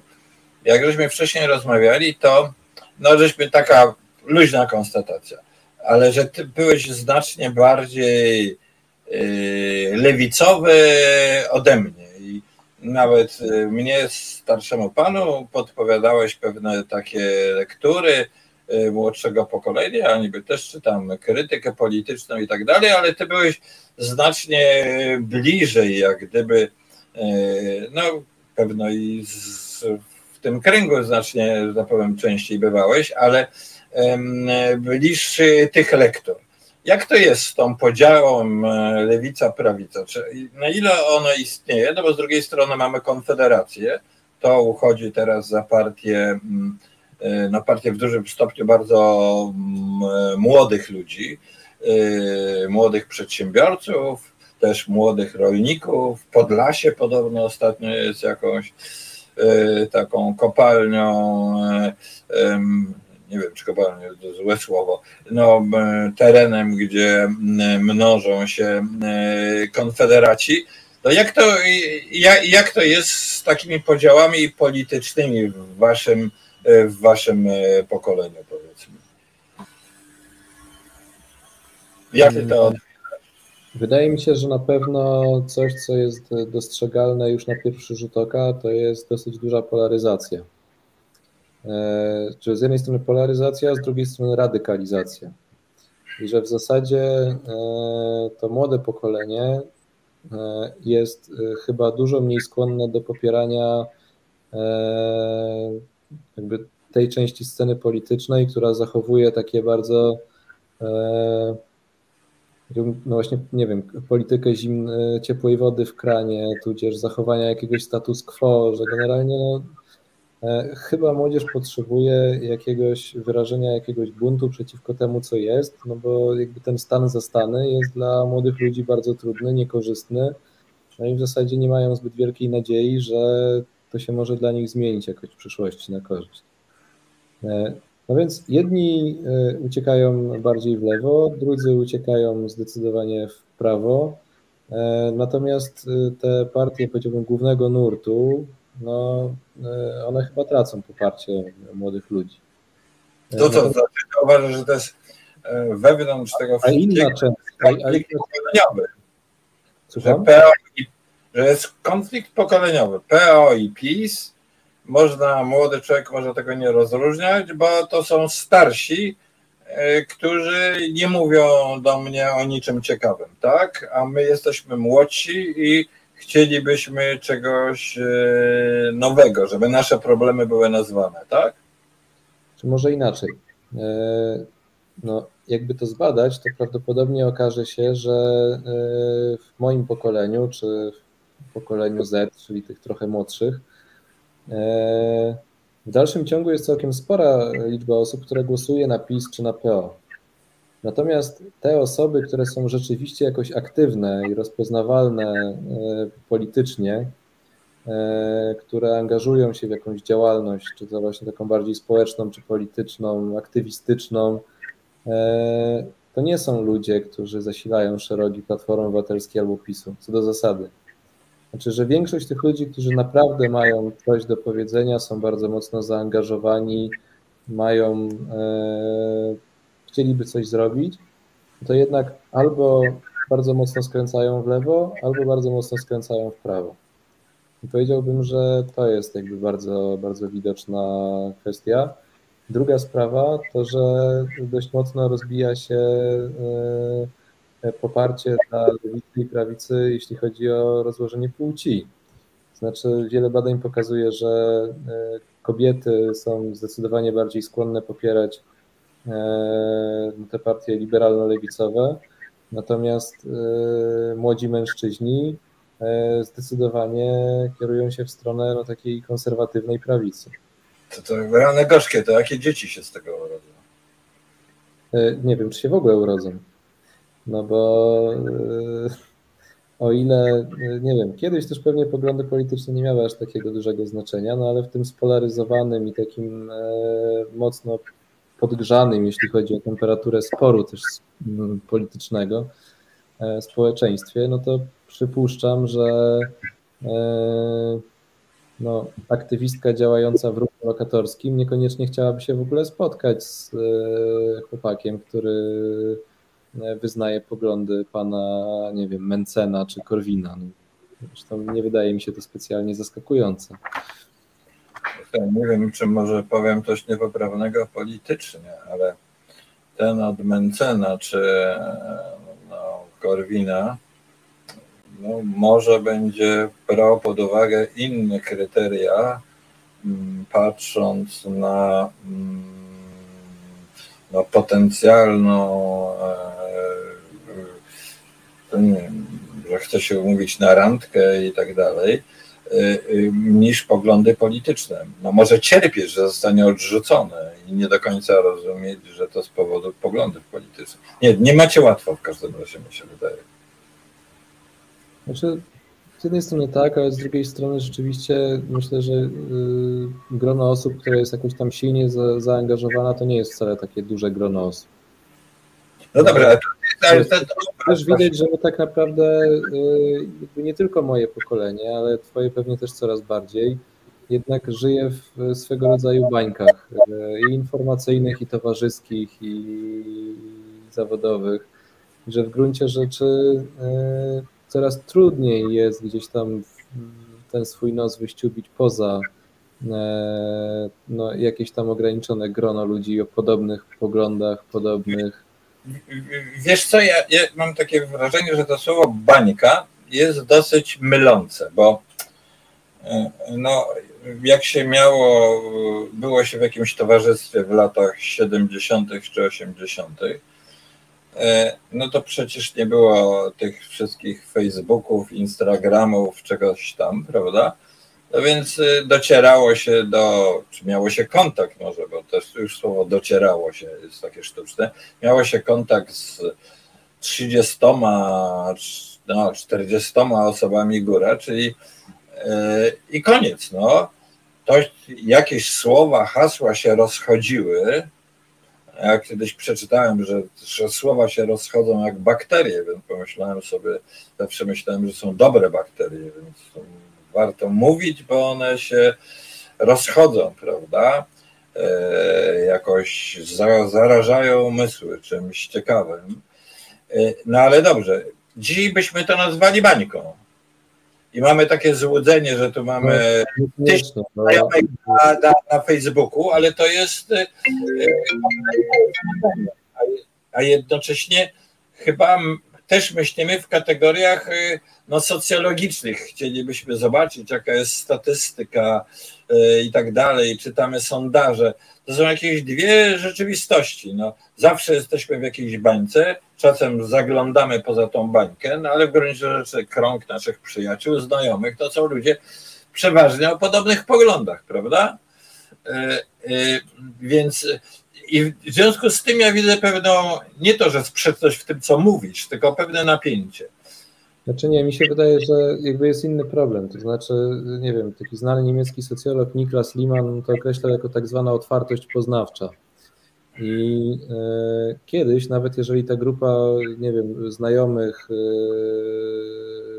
nie wiem, kolegów z pracy i tak dalej była może jeszcze bardziej ograniczona niż jest dzisiaj, bo te możliwości komunikacyjne były mniejsze, pomimo wszystko e, łatwiej było, e, czy może inaczej, jakby ludzie czytali po prostu gdzieś tam różne przypadkowe rzeczy. E, nie było algorytmów, które podpowiadały, kogo lubić, kogo nie lubić, jakie treści się wyświetlają, jakie artykuły czytamy. No dziś wiadomo już jest, że duża część mojego pokolenia i ludzi młodszych jeszcze bardziej spędza po co najmniej kilka, jak nie kilkanaście godzin podłączonych do telefonu bądź komputera z internetem i że siedząc w portalach, e, nie wiem, czy to informacyjnych, czy przede wszystkim w mediach społecznościowych, e, algorytm podpowiada nam te, te rzeczy, które już kiedyś wyświetlaliśmy i które lubimy i które nam się podobały i którym poświęciliśmy więcej czasu. E, w związku z czym ta otwartość poznawcza, jest dużo bardziej ograniczona. I jakby w tym sensie wydaje mi się, że żyjemy w bańkach, że e, mm, coraz mniej dociera do nas rzeczy przypadkowych. Coraz mniej dociera do nas informacji takich no, luźno krążących gdzieś tam w, eterze przeglądałem ostatnio taką książkę jakieś Czyli znaczy, trzeba już wykonać pewien wysiłek i wydaje mi się, że ty możesz tego nie rozumieć, bo ty oczywiście jakby podejmujesz na co dzień ten wysiłek, pytasz, no zapraszasz, tak jak zresztą sam jestem tego dobrym przykładem, no zapraszasz człowieka znacznie młodszego, z trochę innym backgroundem ee, i o pewnie też trochę innych poglądach, no bo jesteś ciekawy tego, co nie wiem, człowiek z mojego pokolenia czy z mojego zawodu ma do powiedzenia na określony temat. Tydzień temu zapraszałeś kogoś jeszcze młodszego, jutro będziesz rozmawiać z kimś e, jakby jeszcze z zupełnie innej bańki, więc zachowujesz tą otwartość poznawczą. Natomiast dla przeciętnego człowieka, który te wiadomości czerpie głównie z mediów społecznościowych, które podpowiadają mu to, co, to, co czyta, w jakiej grupie się udziela, E, z kim e, wymienia się wiadomościami na czatach i tak dalej, no to mm, tutaj znacznie trudniej jest wykroczyć poza. No to, to ja ci zadam takie pytanie, czy twoje, bo wiesz, dla mnie te wszystkie media społecznościowe, dla, dla mnie wiesz, telefon komórkowy już był nowością. To, to kiedyś zresztą mówiłem, opowiadałem w YouTubie, że, że ja pamiętam jeszcze pierwsze telewizory takie telewizory Wisła, że się taką klapę podnosiło i było święto, bo telewizja była dwa razy w tygodniu. Jestem taki stary, no. Y, więc dla mnie te media społecznościowe to jest coś niesamowitego. Y, y, natomiast dla Was to jest taka rzeczywistość, w którą żeście się urodzili. Czy Ty uważasz, że rzeczywiście one Was zamykają, czy też no, uczycie się po prostu ich używać?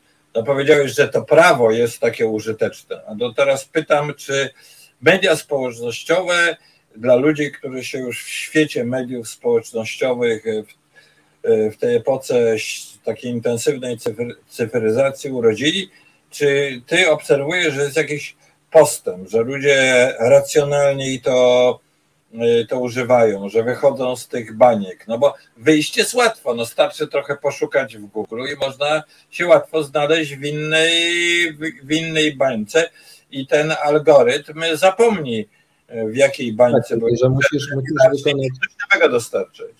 Musisz wykonać pracę polegającą na tym, że chcesz w ogóle wykonać ten ruch.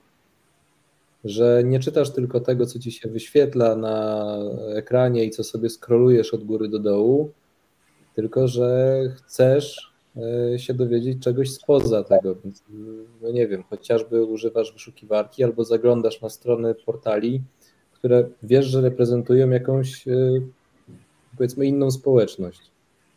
No ale to wymaga ruchu. Natomiast internet działa w zupełnie innej logice. Znaczy, internet działa właśnie w logice scrollowania, to znaczy przeglądasz sobie to, co ci wyświetla się na ekranie e, i robisz to w zasadzie bezwiednie. Znaczy, informacja się pokazuje za informacją, artykuł za artykułem, ale e, no, logika tego polega na tym, że jak w jeden artykuł klikniesz, to trzy następne, które ci się wyświetlą, będą bardzo podobne, albo jakby napisane przez tą samą osobę, albo publikowane przez ten sam portal, najczęściej w podobnej tematyce i tak dalej. No jakby e, no, wiemy, Nie, że, wiemy pytanie, że to funkcjonuje. to, jest, to jest krytyka internetu, co tego pisze. Natomiast moje pytanie jest, czy ty obserwujesz to od jak miałeś 18 lat? To jest krytyka, to jest pewna obserwacja. No dobra, obserwacja. No dobra, ale ona połączona jest u ciebie z pewną krytyką, bo chciałbyś, żeby ludzie wychodzili z tych baniek, byli bardziej otwarci i tak dalej. Ale jak miałeś 18 lat, to już na pewno miałeś smartfona i prawda, tam, tam, tam się w niego tam tym Nie, jak palcami. ja miałem, właśnie jak ja miałem 18 lat, to y, smartfonów jako takich jeszcze nie było, a przede wszystkim nawet jak ktoś już je miał, to nie miał dostępu do internetu w smartfonie. No dobrze, no że- troszeczkę chodzi mi o Pierwszy, pierwszy iPhone się pojawił, jak ja byłem już na studiach, więc doskonale jakby pamiętam tą rzeczywistość przedinternetową i przedsmartfonową. I tak, no, jeszcze zdając maturę nie miałem ani Facebooka, ani Twittera, ani nie wiem, chyba nawet nie miałem gadu-gadu, taki był kiedyś komunikator. No dobrze, dzisiaj jest TikTok, który zdaje się jest komunikatorem ogromnej części młodzieży. Ja mam konto na TikToko i bo jak gdyby tak eksperymentuję trochę, ale szczerze mówiąc bardzo mi się trudno przyzwyczaić, znaczy nie to, że przyzwyczaić, w ogóle zrozumieć logikę tego, co tam się, nie wiem, czy to jest logika, no w ogóle zrozumieć, co tam się dzieje. Ale posłuchaj, tutaj padło słowo to, jest, to jest logika i generalnie wydaje mi się, że właśnie to, o czym ja mówię, że znaczy, że to, że są bańki, wynika w dużej mierze z algorytmów, ale te algorytmy wynikają z tego, że one mają nam zabrać naszą uwagę. Generalnie e, większość mediów społecznościowych karmi się tym, że my właściwie wykonujemy na rzecz tych e, mediów ogromną pracę. że poświęcamy im czas po prostu. Poświęcamy czas, poświęcamy uwagę, e, klikamy, generujemy, pepnął reklamę w to. generujemy pewien ruch e, w internecie, który jest komercjalizowany i za który e, ogłoszeniodawcy, e, reklamodawcy no, płacą określone pieniądze. No. Dlaczego? To bardzo dobrze, żeś to powiedział, bo to jednak pozwala nam powrócić do istoty naszej rozmowy, a tu zresztą pani Katarzyna Kozioł tutaj też um, użyła słowo kapitalizm. Jak to jest? To Konfederacja to są tacy, można powiedzieć, utopijni, skrajni rynkowcy, prawda? Bo co, co tam gadają o narodzie i innych rzeczach, e, e, czy przeciwko Ukrainie, to nie jest takie istotne, bo tego zdaje się większość tej klienteli Konfederacji m, czy sympatyków nie słyszy. E, To są e, tacy ludzie, którzy e, wierzą w to, że sobie sami dadzą radę w życiu. Emerytur nie będzie, a oczywiście tutaj przerysowuję tą, tą sylwetkę takiego konfederaty. Emerytur nie będzie, a muszę sam zabrać na emeryturę. Najlepiej, żeby były niższe mm, podatki i tak dalej. Aczkolwiek państwo też ma być e, minimalne, aczkolwiek od góry mówi się, że ono ma być jeszcze katolickie i tradycyjne, prawda? To jest konfederacja. E, m, Czy Chętnie stoją na dwóch nogach. Tylko, że problem z Konfederacją polega na tym, że ona się tak naprawdę składa z przynajmniej pięciu różnych środowisk. I światopogląd i jakby w ogóle spektrum różnych pomysłów politycznych pana Brauna, pana Korwina i Mencena, a oprócz tego jeszcze, nie wiem, nacjonalistów związanych, nie wiem, z panem Bosakiem chociażby, to są tak naprawdę zupełnie różne środowiska. Oni, gdyby nie to, że y, w pewnym momencie mieli tak niskie poparcie, w zasadzie każdy z nich funkcjonował w odrębnej partii politycznej i w dodatku dosyć często zdarzało im się kłócić.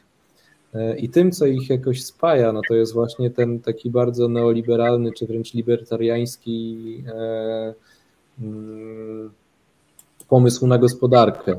E, natomiast nie lekceważyłbym mimo wszystko tych kwestii światopoglądowych w Konfederacji. Wydaje mi się, że e, nie wiem, czy tam są ludzie, którzy są związani z ruchem narodowym, e, w ogóle z endecją, tam są monarchiści, tam są ludzie związani z mm, nie wiem, tak jak na przykład nie wiem, z dawną Ligą Polskich Rodzin i tak dalej, więc to no jakby jest mimo wszystko dosyć mocno konserwatywne środowisko. No dobrze, to, to jest Konfederacja. A teraz co jest po tej drugiej stronie? W moim, ja cię kojarzę z tą drugą stroną bardziej lewicową. Co? Ja, jak, jakbyś to e, bardzo ładnie pokwalifikowałeś, podzieliłeś tą konfederację na jakieś grupy i nurty, a jak jest na lewicy? E, no, chyba największym problemem lewicy jest to, że jest strasznie podzielona, bardzo zatomizowana i że w zasadzie środowiska te takie z, mm, zinstytucjonalizowane, to znaczy partie polityczne, które na lewicy funkcjonują, w dużej mierze nie pokrywają się z poglądami aktywistów, którzy działają gdzieś tam na tym poziomie takiego no, niskiego szczebla, czy na, na poziomie lokalnym. Znaczy, że jest bardzo dużo ludzi na lewicy, którzy, nie wiem, angażują się w jakieś bardzo konkretne rzeczy, na przykład sprawy lokatorskie albo e, kwestie ochrony klimatu, e, nie wiem, kwestie związane z prawami człowieka, mniejszościami seksualnymi bądź religijnymi i tak dalej. No i jakby e, te środowiska y, w gruncie rzeczy y, mają bardzo różne priorytety, mają e, bardzo różne podejście do no, spraw, powiedziałbym, no, całkiem istotnych i potrafią się strasznie kłócić, w związku z czym powiedziałbym, że w tej bańce internetowej lewak z lewakiem jest w stanie się bardziej pokłócić niż lewak z reprezentantem jakiejś nawet partii prawicowej. No dobrze, okej, okay, ale czego właściwie dzisiaj młoda lewica, młody lewicowiec, ktoś, kto się tak definiuje, e, czego, e, jakie są tam poglądy? No mówisz, że się kłócą między sobą, no ale... Poglądy są, poglądy są bardzo różne i znaczy nie wiem, dla mnie lewica e, zawsze e, no, była takim jakby myśleniem o polityce, które przede wszystkim staje zawsze po stronie słabszego, po stronie wykluczonego, po stronie e, no, tych ludzi, którzy sami nie są w stanie mówić swoim głosem, albo jakby którzy indywidualnie tej mocy nie mają. W związku z czym no, jakby ta, ten etos jakby emancypacyjny, czy to jest coś, co jest dla lewicy kluczowe. E, dzisiaj to się trochę e, zmieniło. E, po pierwsze, dlatego, że te kwestie socjalne zostały bardzo mocno przejęte przez, przez prawicę. Z drugiej strony, dlatego, że lewica bardzo mocno skupiła się na tych kwestiach, no, powiedzmy, światopoglądowych. Trochę nie z własnej winy, tylko dlatego, że, że nie wiem, w Polsce na przykład PiS rozgrywa taką, taką rozgrywkę, że co chwilę wrzuca tematy, e, które odciągają uwagę od tych spraw, nie wiem, na przykład właśnie gospodarczych czy socjalnych, tylko ogniskują spór wobec, wokół kwestii, e, nie wiem, orientacji seksualnej, poglądów religijnych. Nie wiem. ale co żeś, ale żeś jednocześnie powiedział przed chwilą, że mm, e, lewica, no, uogólniając trochę czy upraszczając, odeszła od spraw emancypacji jako tych najistotniejszych, czy spraw równości. Nie, oczywiście nie cała lewica. Spraw światopoglądowych. Co przez to rozumiesz? Czy ja cię źle zrozumiałem, źle powtórzyłem? Może inaczej. Znaczy, na lewicy jest właśnie bardzo dużo różnych środowisk i są, są środowiska, które e, mm, jakby bardzo mocno są zaangażowane w no, taki etos rzeczywiście lewicowy. Nie wiem, te wszystkie ruchy jakby lokatorskie, e, związane z, nie wiem, ochroną słabszych, pokrzywdzonych, nie wiem, teraz ruchy, które E, właściwie całe organizacje, które siedzą na granicy polsko-białoruskiej i wspierają, e, nie wiem, tych uchodźców, którzy cały czas tam koczują. E, mm, no, jakby to są, to są ludzie, którzy są jakby bardzo mocno zaangażowani, którzy wykonują jakby totalnie ciężką pracę, no ale oni nie funkcjonują w tym takim nurcie głównej polityki.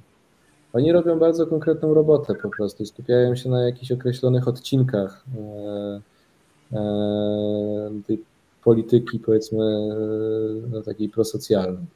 Natomiast ta polityka zinstytucjonalizowana, czyli partyjna, no ona w dużej mierze mam, nadzieję, mam wrażenie, że jakby nie oddaje tych, tego buntu, który jest w dołach struktur. Znaczy, no jest dużo. Bunt, no to dobrze, no to powiedz mi.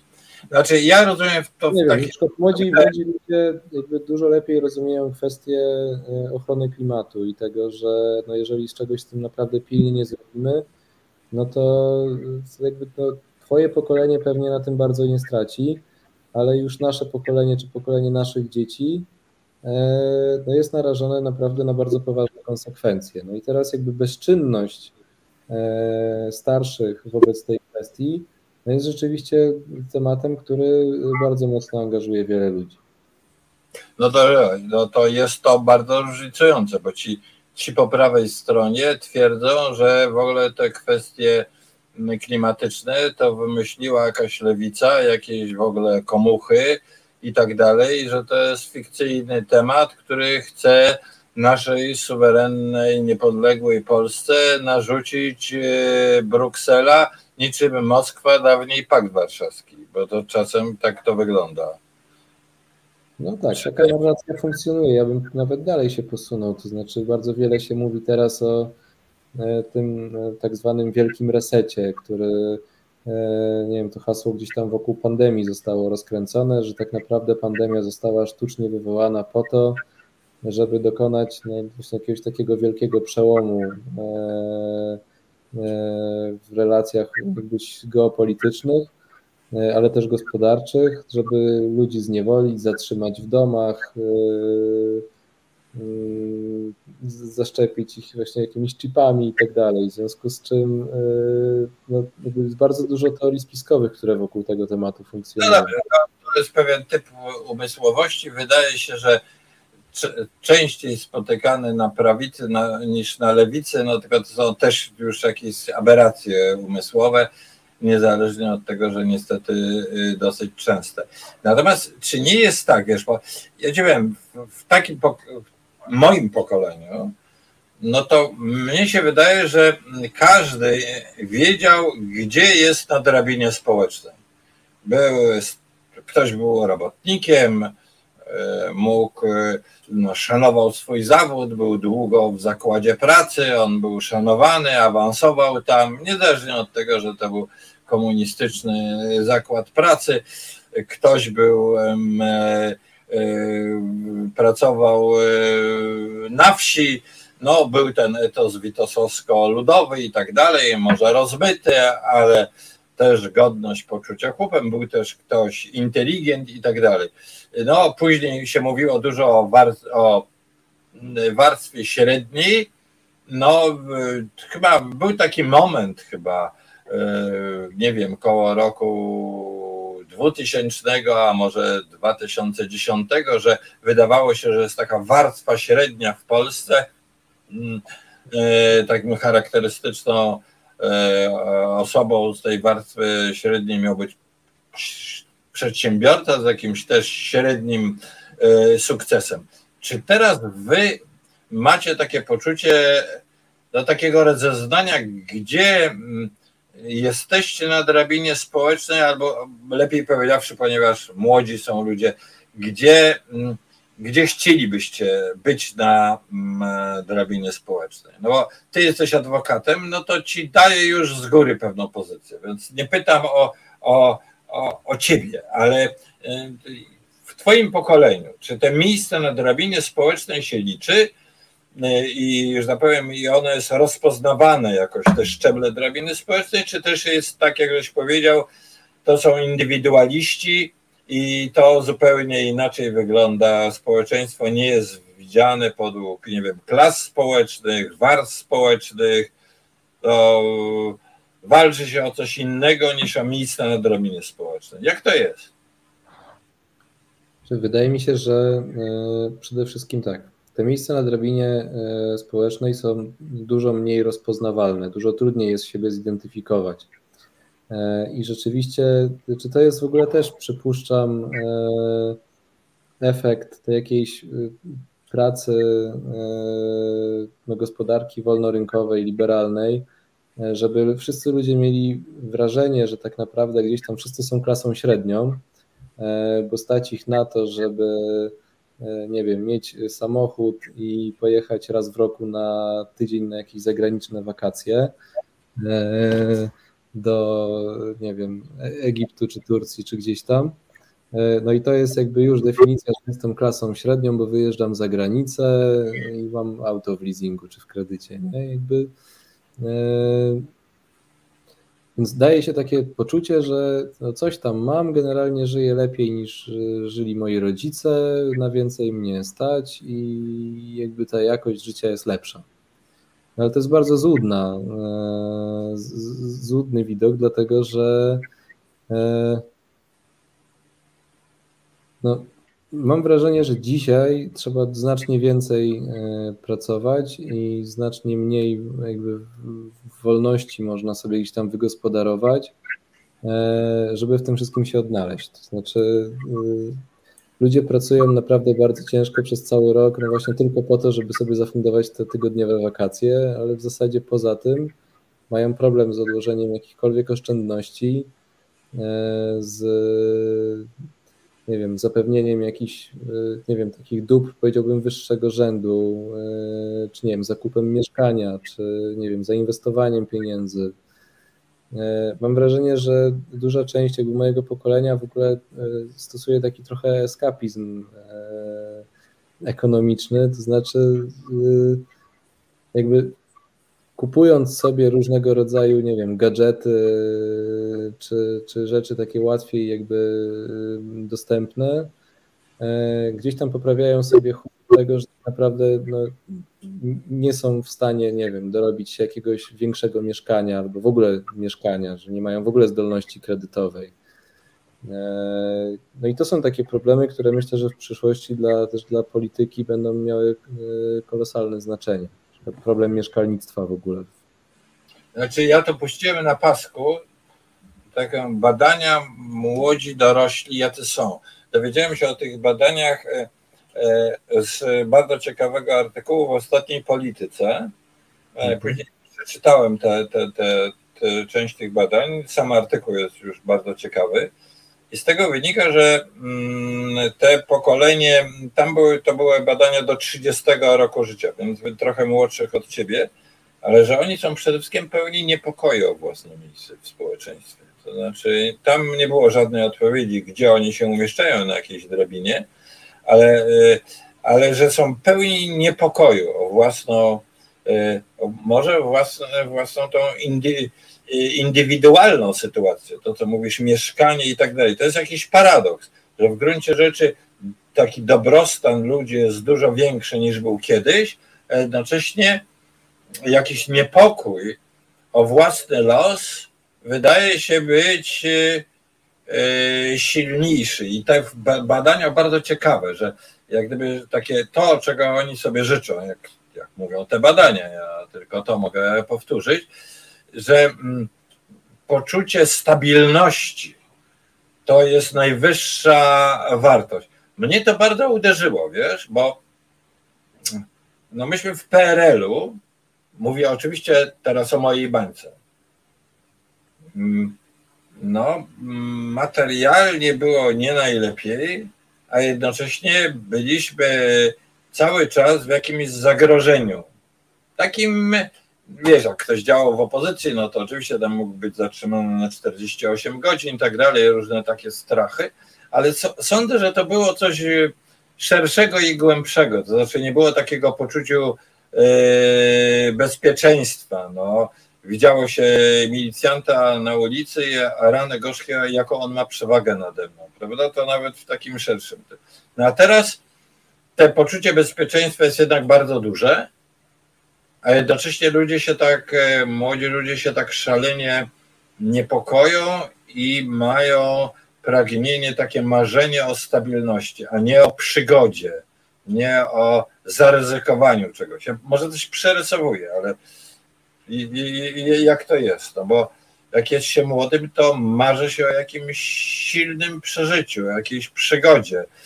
Yy, znaczy mówienie, że ja zmienię system, to jest y, ogólnie, zresztą w tej, w tej klasyfikacji tych socjologów, które to robiły, są również tacy y, kanapowi buntownicy, co opowiadają o zmianie systemu, ale w gruncie rzeczy na żadną przygodę nie są gotowi.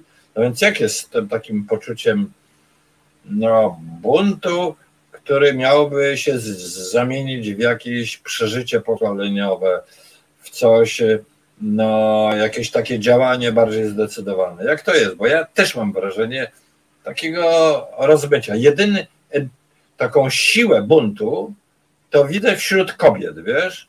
Na tych demonstracjach dotyczących, no, które się symbolicznie nazywa e, parasolkami.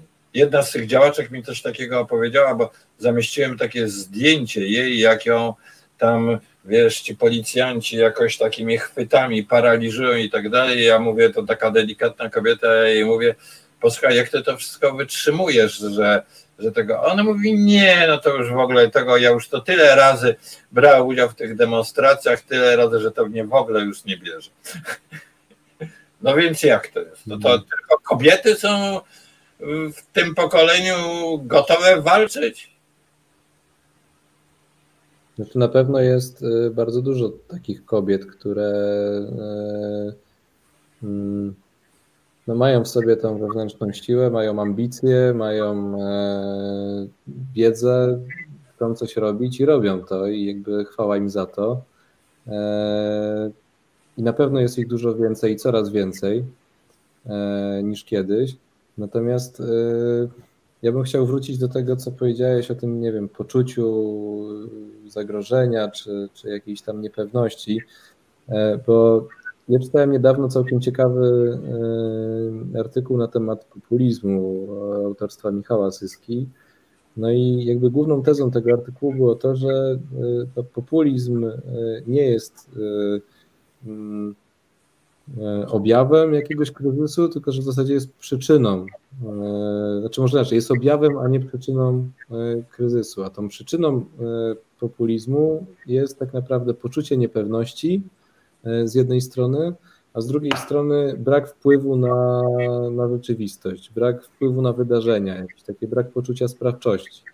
I myślę, że to jest właśnie to, co, co e, młode pokolenie najbardziej trapi, że z jednej strony, e, no owszem, jakby my na dzień dzisiejszy może i lepszą sytuację, nie wiem, chociażby ekonomiczną niż e, Twoje pokolenie w naszym wieku, ale z drugiej strony mamy poczucie, że wszystko tak się dookoła szybko zmienia, że te reguły gry się cały czas tak, tak szybko ewoluują, że e, wymagania cały czas rosną, że nie wiem, dynamika na nie wiem, rynku pracowniczego jest dużo mniejsza niż była.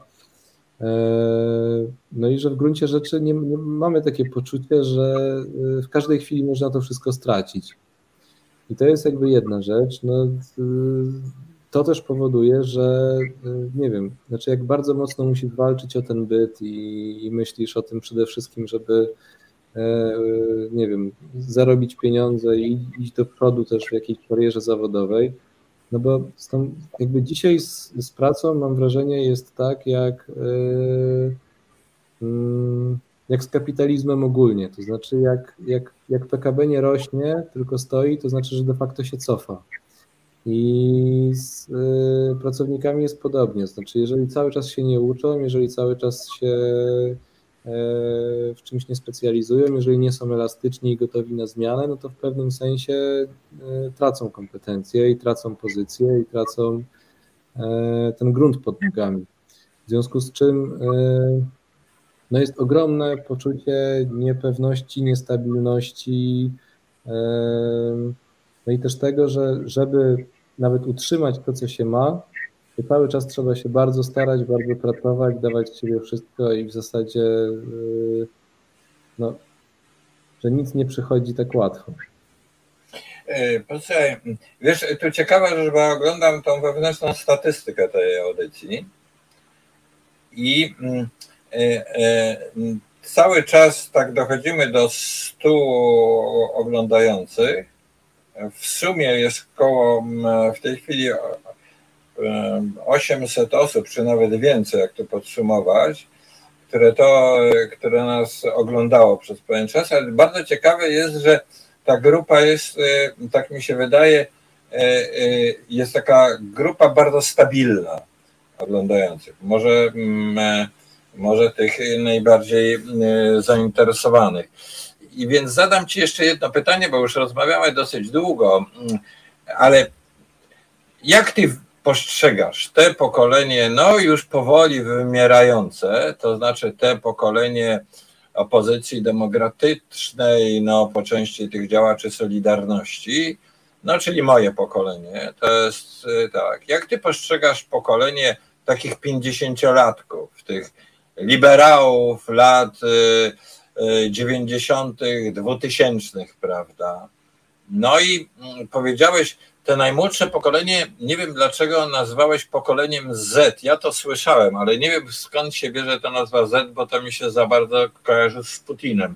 A jeszcze po drodze było pokolenie X. Chyba ty należysz do pokolenia, które było nazywane pokoleniami, pokoleniem X. Gdybyś nam to, to nazewnictwo, to socjologię pokoleń z twojego punktu widzenia jeszcze objaśnił, bo to jednak to oczywiście są ogólniki, ale one ciekawe, bo jakoś pod pod, ułatwiają nam myślenie po prostu o naszym społeczeństwie. No, myślimy jednak poprzez jakieś podziały, e, klasyfikacje i tak dalej, prawda? Czy ja ani nie jestem socjologiem, ani nie jakby jakimś, nie wiem, specjalistą od. Yy, Najpierw pytanie, jak ty widzisz te poszczególne generacje? Jak widzisz te. Pokoleniowych. Natomiast wydaje mi się, że to, co jest charakterystyczne, to to, że Dzisiaj różnice pomiędzy poszczególnymi pokoleniami są e, nierówno rozłożone. To znaczy, e, ja mimo wszystko mam wrażenie, że potrafię znaleźć więcej wspólnego języka i jakichś takich też, nie wiem, może nie doświadczeń e, życiowych, ale jakichś kodów kulturowych, na przykład z pokoleniem obecnych 50-latków niż z pokoleniem obecnych 20-latków. Ciekawe, to znaczy takie przyspieszenie. E, jest bardzo duże przyspieszenie i myślę, że to też jest jednak kwestia internetu i właśnie tego, że e, no nie wiem, nawet poczucie humoru jest w dużej mierze dzisiaj e, oparte na kulturze memów, która, no nie wiem, jeszcze w tym pokoleniu obecnych 30-paru, 40-latków no jakby nie była aż tak rozwinięta jak dzisiaj. E, a jakby wiadomo, poczucie humoru jest w życiu generalnie bardzo ważne i ono e, otwiera dyskusję na bardzo wiele różnych rzeczy. No i generalnie bardzo często się okazuje, że e, osoby, nie wiem, ode mnie 8, 9, 10 lat młodsze, co chwilę muszą mi tłumaczyć jakieś żarty, dlatego że ja kompletnie nie łapię ani kontekstu, ani źródła, ani właściwie o czym to wszystko jest. Ja się z tym zetknąłem, bo to jest sięganie żart, który się zaczepia o jakąś symbolikę kultury masowej. To znaczy, trzeba znać jakiś film albo filmik, jakiś viral trzeba znać, żeby zrozumieć treść tego mema żartu, nie? Nie jest No. to tak? Dokładnie, dokładnie tak to funkcjonuje. No ale e, ponieważ ja cały czas podtrzymuję tą tezę, że e, moje pokolenie żyje jednak w swego rodzaju bańkach, no to jakby te żarty i memy, które ja oglądam, totalnie się różnią od tego, co oglądają ludzie e, 10 lat młodsi ode mnie.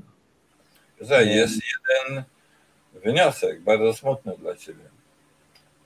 Mianowicie taki, że ty się już starzejesz i dlatego nie rozumiesz tych młodszych. Znaczy ja to w ogóle jestem zaskoczony, że zaprosiłeś mnie do tej rozmowy w kategoriach e, młodzieży, no bo Dodaj, no, Mateusz, jakby nie było, między nami jest e, 40 lat różnicy, no więc wiesz, no oczywiście chyba chciałbym być młody i uchodzić za młodego i, i w ogóle tak, tak się tak uważam, tak, o, o, jak ja jestem młody, no to jednak wiesz, muszę ci powiedzieć, że to jest może za mało takiej rozmowy. Ja uważam, że y, ludzie żyją znacznie dłużej, często w niezłym zdrowiu i formie i tak dalej. I to opowiadanie o, o dzisiejszym starzeniu się jest y, moim zdaniem też y, mogłoby być, gdyby więcej o tym mówić, nie tylko o geriatrii, tam Alzheimerach i tak dalej, ale o tym, co to znaczy być człowiekiem no, w pełni dojrzałym, bo takim, który już nie oczekuje, że w jego życiu coś się gwałtownie zmieni.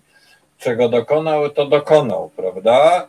Yy, No, ma pewien problem, czy, czy jest zadowolony z swego życia, czy nie jest, czy ma jakieś ogromne kompleksy, etc.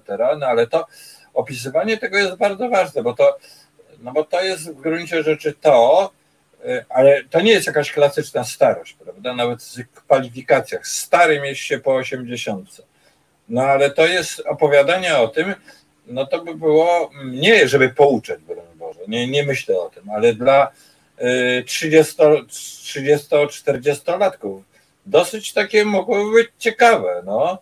Co to znaczy zestarzeć się w tym społeczeństwie, które się bardzo zmienia, i zestarzeć się jeszcze być w dobrej formie, mieć najrozmaitsze możliwości, no ale nie być już, bo to bez sensu udawać, że się młodym i że się będzie miało jakieś ogromne sukcesy i tak dalej, tylko jakoś no, w rozsądny sposób korzystać z własnej dojrzałości, bo ja mam wrażenie, wiesz, że rzeczywiście, że dzisiaj się dojrzałem dopiero po 60.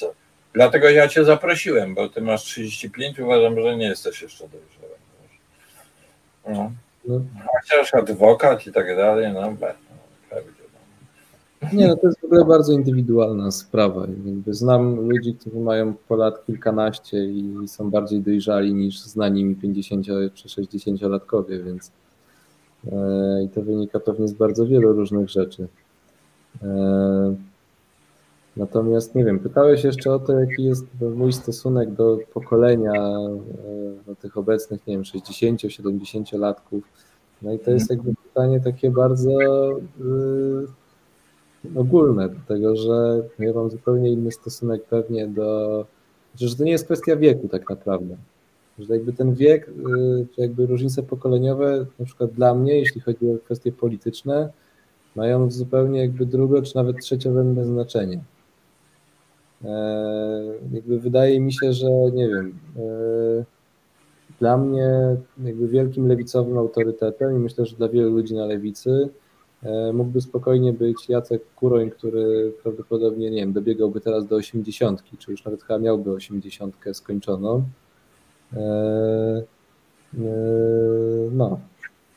A może nie być dla nich autorytetem, nie wiem, Robert Biedroń, który ma 40, nie? więc jakby to nie jest kwestia pokoleniowa. To jest raczej kwestia pewnej otwartości,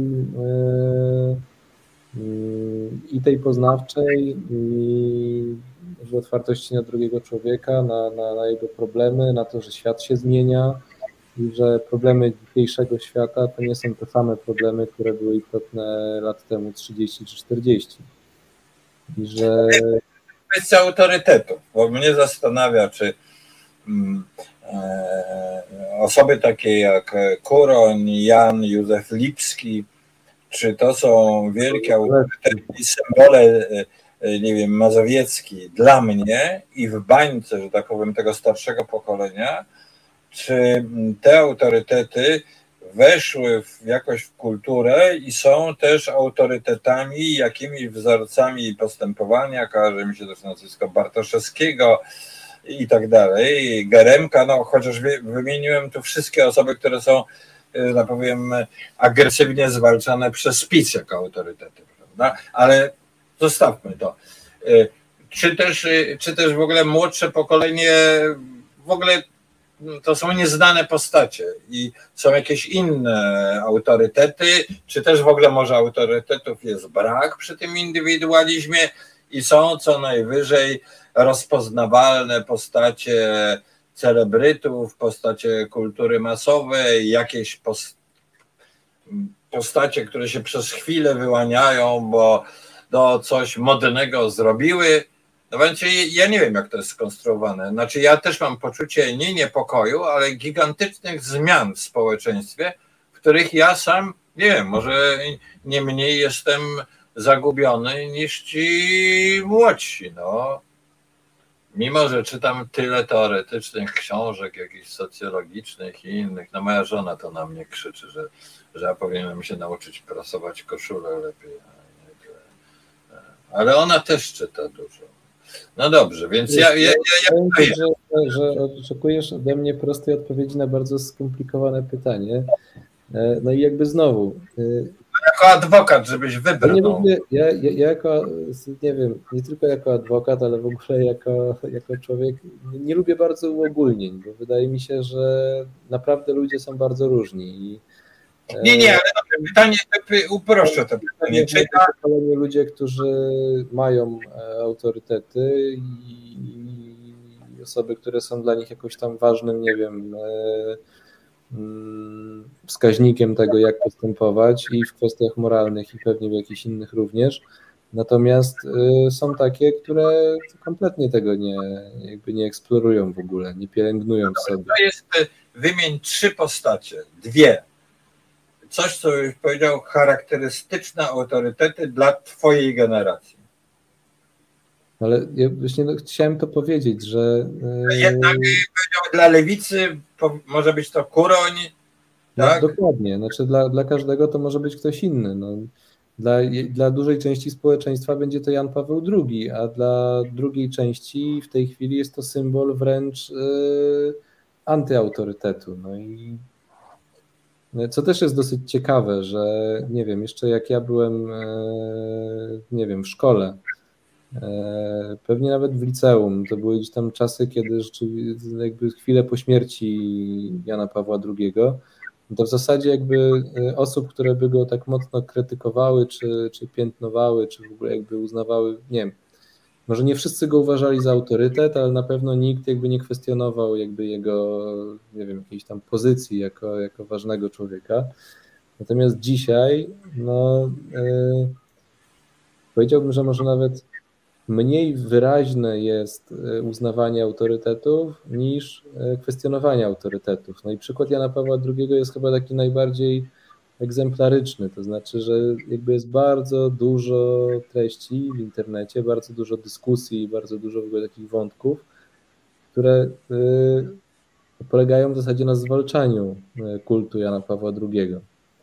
Że rzeczywiście jakoś przedmiotem memów i, i żartów i no wręcz jakiegoś takiego wyszydzania jest w ogóle sam samo to, że kogoś się uznaje za, nie wiem, wielkiego papieża Polaka i tak dalej. Jakby jest cała kultura. E, dla części, bo dla części jest odwrotnie.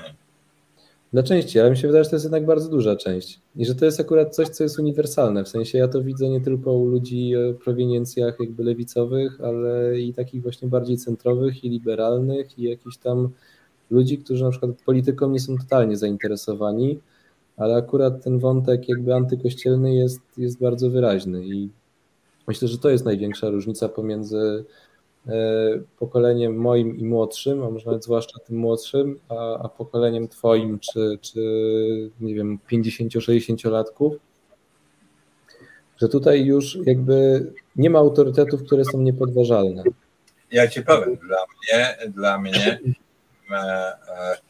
problem Wojtyły przeżywam w bardzo taki ciężki sposób. Jestem człowiekiem no, niewierzącym. Nigdy nie, nie, nie, nie, nie praktykowałem, ale byłem bardzo zbliżony. No, tkwiłem w środowisku mazowieckiego, ludzi głęboko wierzących, w związku z czym studiowałem kul i tak dalej. Mnie się wydaje, że miałem taką ogromną sympatię dla religii, a Wojtyła, wow, no to był dla mnie ogromny autorytet. Ogromny autorytet. I to, co się teraz dzieje, przeżywam bardzo mm, głęboko, ponieważ no, dowody na to, że on aż na takie uznanie nie zasługuje, no są po prostu bardzo mocne, no, porażające, prawda? No więc wtedy się trzeba z takim autorytetem, w każdym razie z ogromną częścią tego autorytetu rozstać. No to mm, no, ja, ja, ja to przeżywam e, boleśnie, aczkolwiek prowadziłem w zeszłym tygodniu z Overbeckiem, e, autorem tego książki Kulpa Maxima wywiad. No, co tu dużo mówić, no, stoję po jego stronie przeciwko tym, którzy organizują marsze yy, protestacyjne i tak dalej, no bo to yy, wśród nich nie ma żadnej, że tak powiem, skłonności do tego, żeby się zapoznać e, z faktami. No właśnie, to jesteście pokoleniem znacznie mniej religijnym, ale ja, mnie się wydaje, wiesz, że o moim pokoleniu też można powiedzieć tym najstarszym, że bardzo wielu ludzi starszych e, przeżywa bardzo boleśnie też rozstanie z kościołem, wiesz, które było oparte na wierze albo po prostu takim kulturowym przywiązaniu i tak dalej, i tak dalej. Ta formuła Jana Józefa Lipskiego, który był człowiekiem no, na pewno nie, nie, nie, nie, nie, nie uznającym istnienia Boga i tak dalej, i tak dalej, to on mówił, że jestem kulturowym katolikiem i to było powszechnie e, przyjmowane. Posłuchaj, rozmawiamy bardzo długo. Zadziwia mnie, że wciąż mamy tak dużą liczbę widzów. Ja bardzo Państwu za to dziękuję, że w tą taką rozmowę, która z natury życzy taka rozmowa, musi być trochę chaotyczna, prawda? E, wzięła się, ten pomysł tej rozmowy wzięło się z tym, że Państwu się przyznam, że ja z Mateuszem już kilkakrotnie e, rozmawiałem. E, on mi opowiadał o różnych lekturach takich bardzo lewicowych, co o których mniej słyszałem. Ja też, też się dzieliłem z nimi jakimiś tam moimi przemyśleniami. Teraz postanowiliśmy to no tak upublicznić. Y, to y, no, Państwo tego słuchają i widzę, że część z Państwa jest zainteresowanych. Bardzo to mm, też budzi to moje zainteresowanie, więc proszę o komentarze, takie dłuższe komentarze, jak się ta audycja zaraz skończy, żeby Państwo może niektóre te komentarze z czatu, niektóre były bardzo ciekawe, żebyście może umieścili pod, pod tym, e, pod tą audycją, bo to jest e, bardziej trwałe wtedy. Te czaty to jakoś, jakoś nikną w YouTubie. No w ogóle nie jesteśmy na TikToku i na tego typu medium spośród mediów e, tych e, społecznościowych YouTube mi się wydaje taki najbardziej szlachetny, prawda? No, że jednak jest wiele poważnych audycji, wykładów i tak dalej. E, no, w... Nie wiem, czy też to nie jest efekt tego, że utknąłeś w jakiejś bańce, dlatego że. Może. E, najpopularniejszym e, filmem e, polskiego YouTube'a jest dziecięce wykonanie utworu Kaczuchy, a największą oglądalność mają filmiki, śmieszne filmiki z kotami, więc nie przesadzałbym z, to, z tymi ambitnymi treściami na YouTubie. Poczekaj, ja też mam YouTube jest po prostu bardzo demokratycznym medium i tu jest wszystko, to znaczy no, tu są rozmowy jakichś tam samozwańczych ekspertów, y, y, takich jak my i podobnych. Jest, są nagrania, nie wiem, jakichś wydarzeń sportowych, skróty meczów, są śmieszne filmiki z kotami i są bardzo poważne wykłady. Czekaj, czekaj. Ja się, ja się z tobą nie, znaczy z tym opisem, który jest prawdziwy, ale sens tego, co żeś powiedział, mnie nie odpowiada, ponieważ wiesz, no taki jest YouTube, takie, taki jest YouTube, tak. Ale dawniej były biblioteki, e, książki, były głupie książki i mądre książki. Zawsze można było powiedzieć, nie, że. ja tego nie krytykuję. Znaczy, no mówię, że to no, jest no, bardzo no. demokratyczne medium, jakby w pozytywnym tego słowa znaczeniu. Ja, to znaczy, no... Żółta prasa, ta, gdzie krew na pierwszej stronie, zawsze miała większe nakłady od prasy poważnej i tak dalej. No to jest yy, od kiedy świat jest taki nowocześniejszy, prawda, zurbanizowany i tak dalej. No zwyczajnie jest tak, że ta kultura masowa ma swoje prawa, chociaż też mam wrażenie, to, to miałbyś w tym rację, że te granice między kulturą wysoką a kulturą popularną trochę się yy, zatarły, prawda? Dalej one były wyraziste, uwarunkowane trochę klasowo. Wiadomo, kto chodził do opery, a już można powiedzieć, inna klasa społeczna chodziła na wodewile i tak dalej.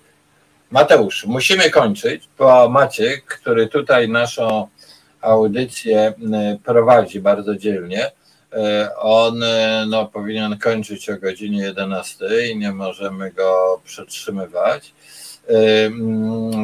On też słuchał. Ja go później zapytam, przepytam, jak on się odnosi do tego, co żeśmy mówili, bo on jest też dziko młody, e, nawet młodszy chyba od, od ciebie. I a wszystkim Państwu chcę powiedzieć tak. Po pierwsze, rzeczywiście zmieniliśmy godzinę tego naszej siły książki na taką bardziej no, wieczorną, nocną. Uważam, że to do książki bardziej pasuje. E, to też jest, ta audycja się nazywa Siła Książki, bo w tle myśmy zaczęli rozmowę o książkach, prawda? Marcin, tak bardzo żeśmy się zaczęli wymieniać lekturami. Także to w tle tej rozmowy niech Państwo wiedzą, że są najrozmaitsze e, książki. E, no a i chcę powiedzieć, że ja bardzo świadomie chciałbym wciągnąć do resetu ludzi właśnie dużo młodszych. Z resetem jest tak, że średnia, znaczy największa grupa oglądających, to jest niemal połowa, to jest 60 plus. Nie wiem, czy to jest związane z tym, że ludzie starsi mają po prostu więcej czasu, czy też chodzi to o typ audycji, ale ja bym bardzo chciał, żeby nas zarówno oglądali bardziej ludzie młodzi, ale przede wszystkim, żeby tu mm, mm, e, rozmawiali bez żadnej idolatrii wokół młodzieży. Ja wszystkie takie sądy młodzi, o, e, młodzi są głupsi albo młodzi są mądrzejsi od nas i tak dalej. Ja w to wszystko nie wierzę.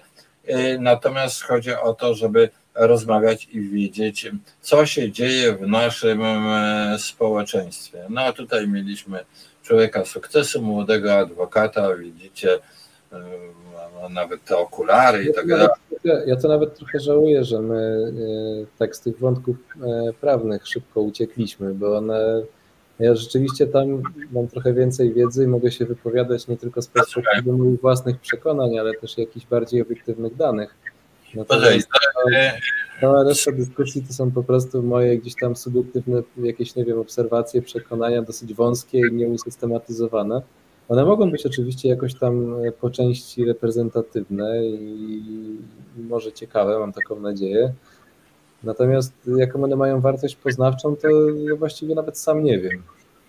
Dobrze, wiesz, jako obywatele wszyscy jesteśmy subiektywni, jak mówimy o o społeczeństwie, a mówiąc o społeczeństwie zawsze musimy uogólniać, prawda? No bo nie mówimy tylko o grupie. No, prawdę mówiąc, trochę mówimy o sobie, nawet jak udajemy, no, no, no, ale z takim, z takim ambicją, no, że coś to wykracza poza mm, ocenę najbliższej grupy znajomych.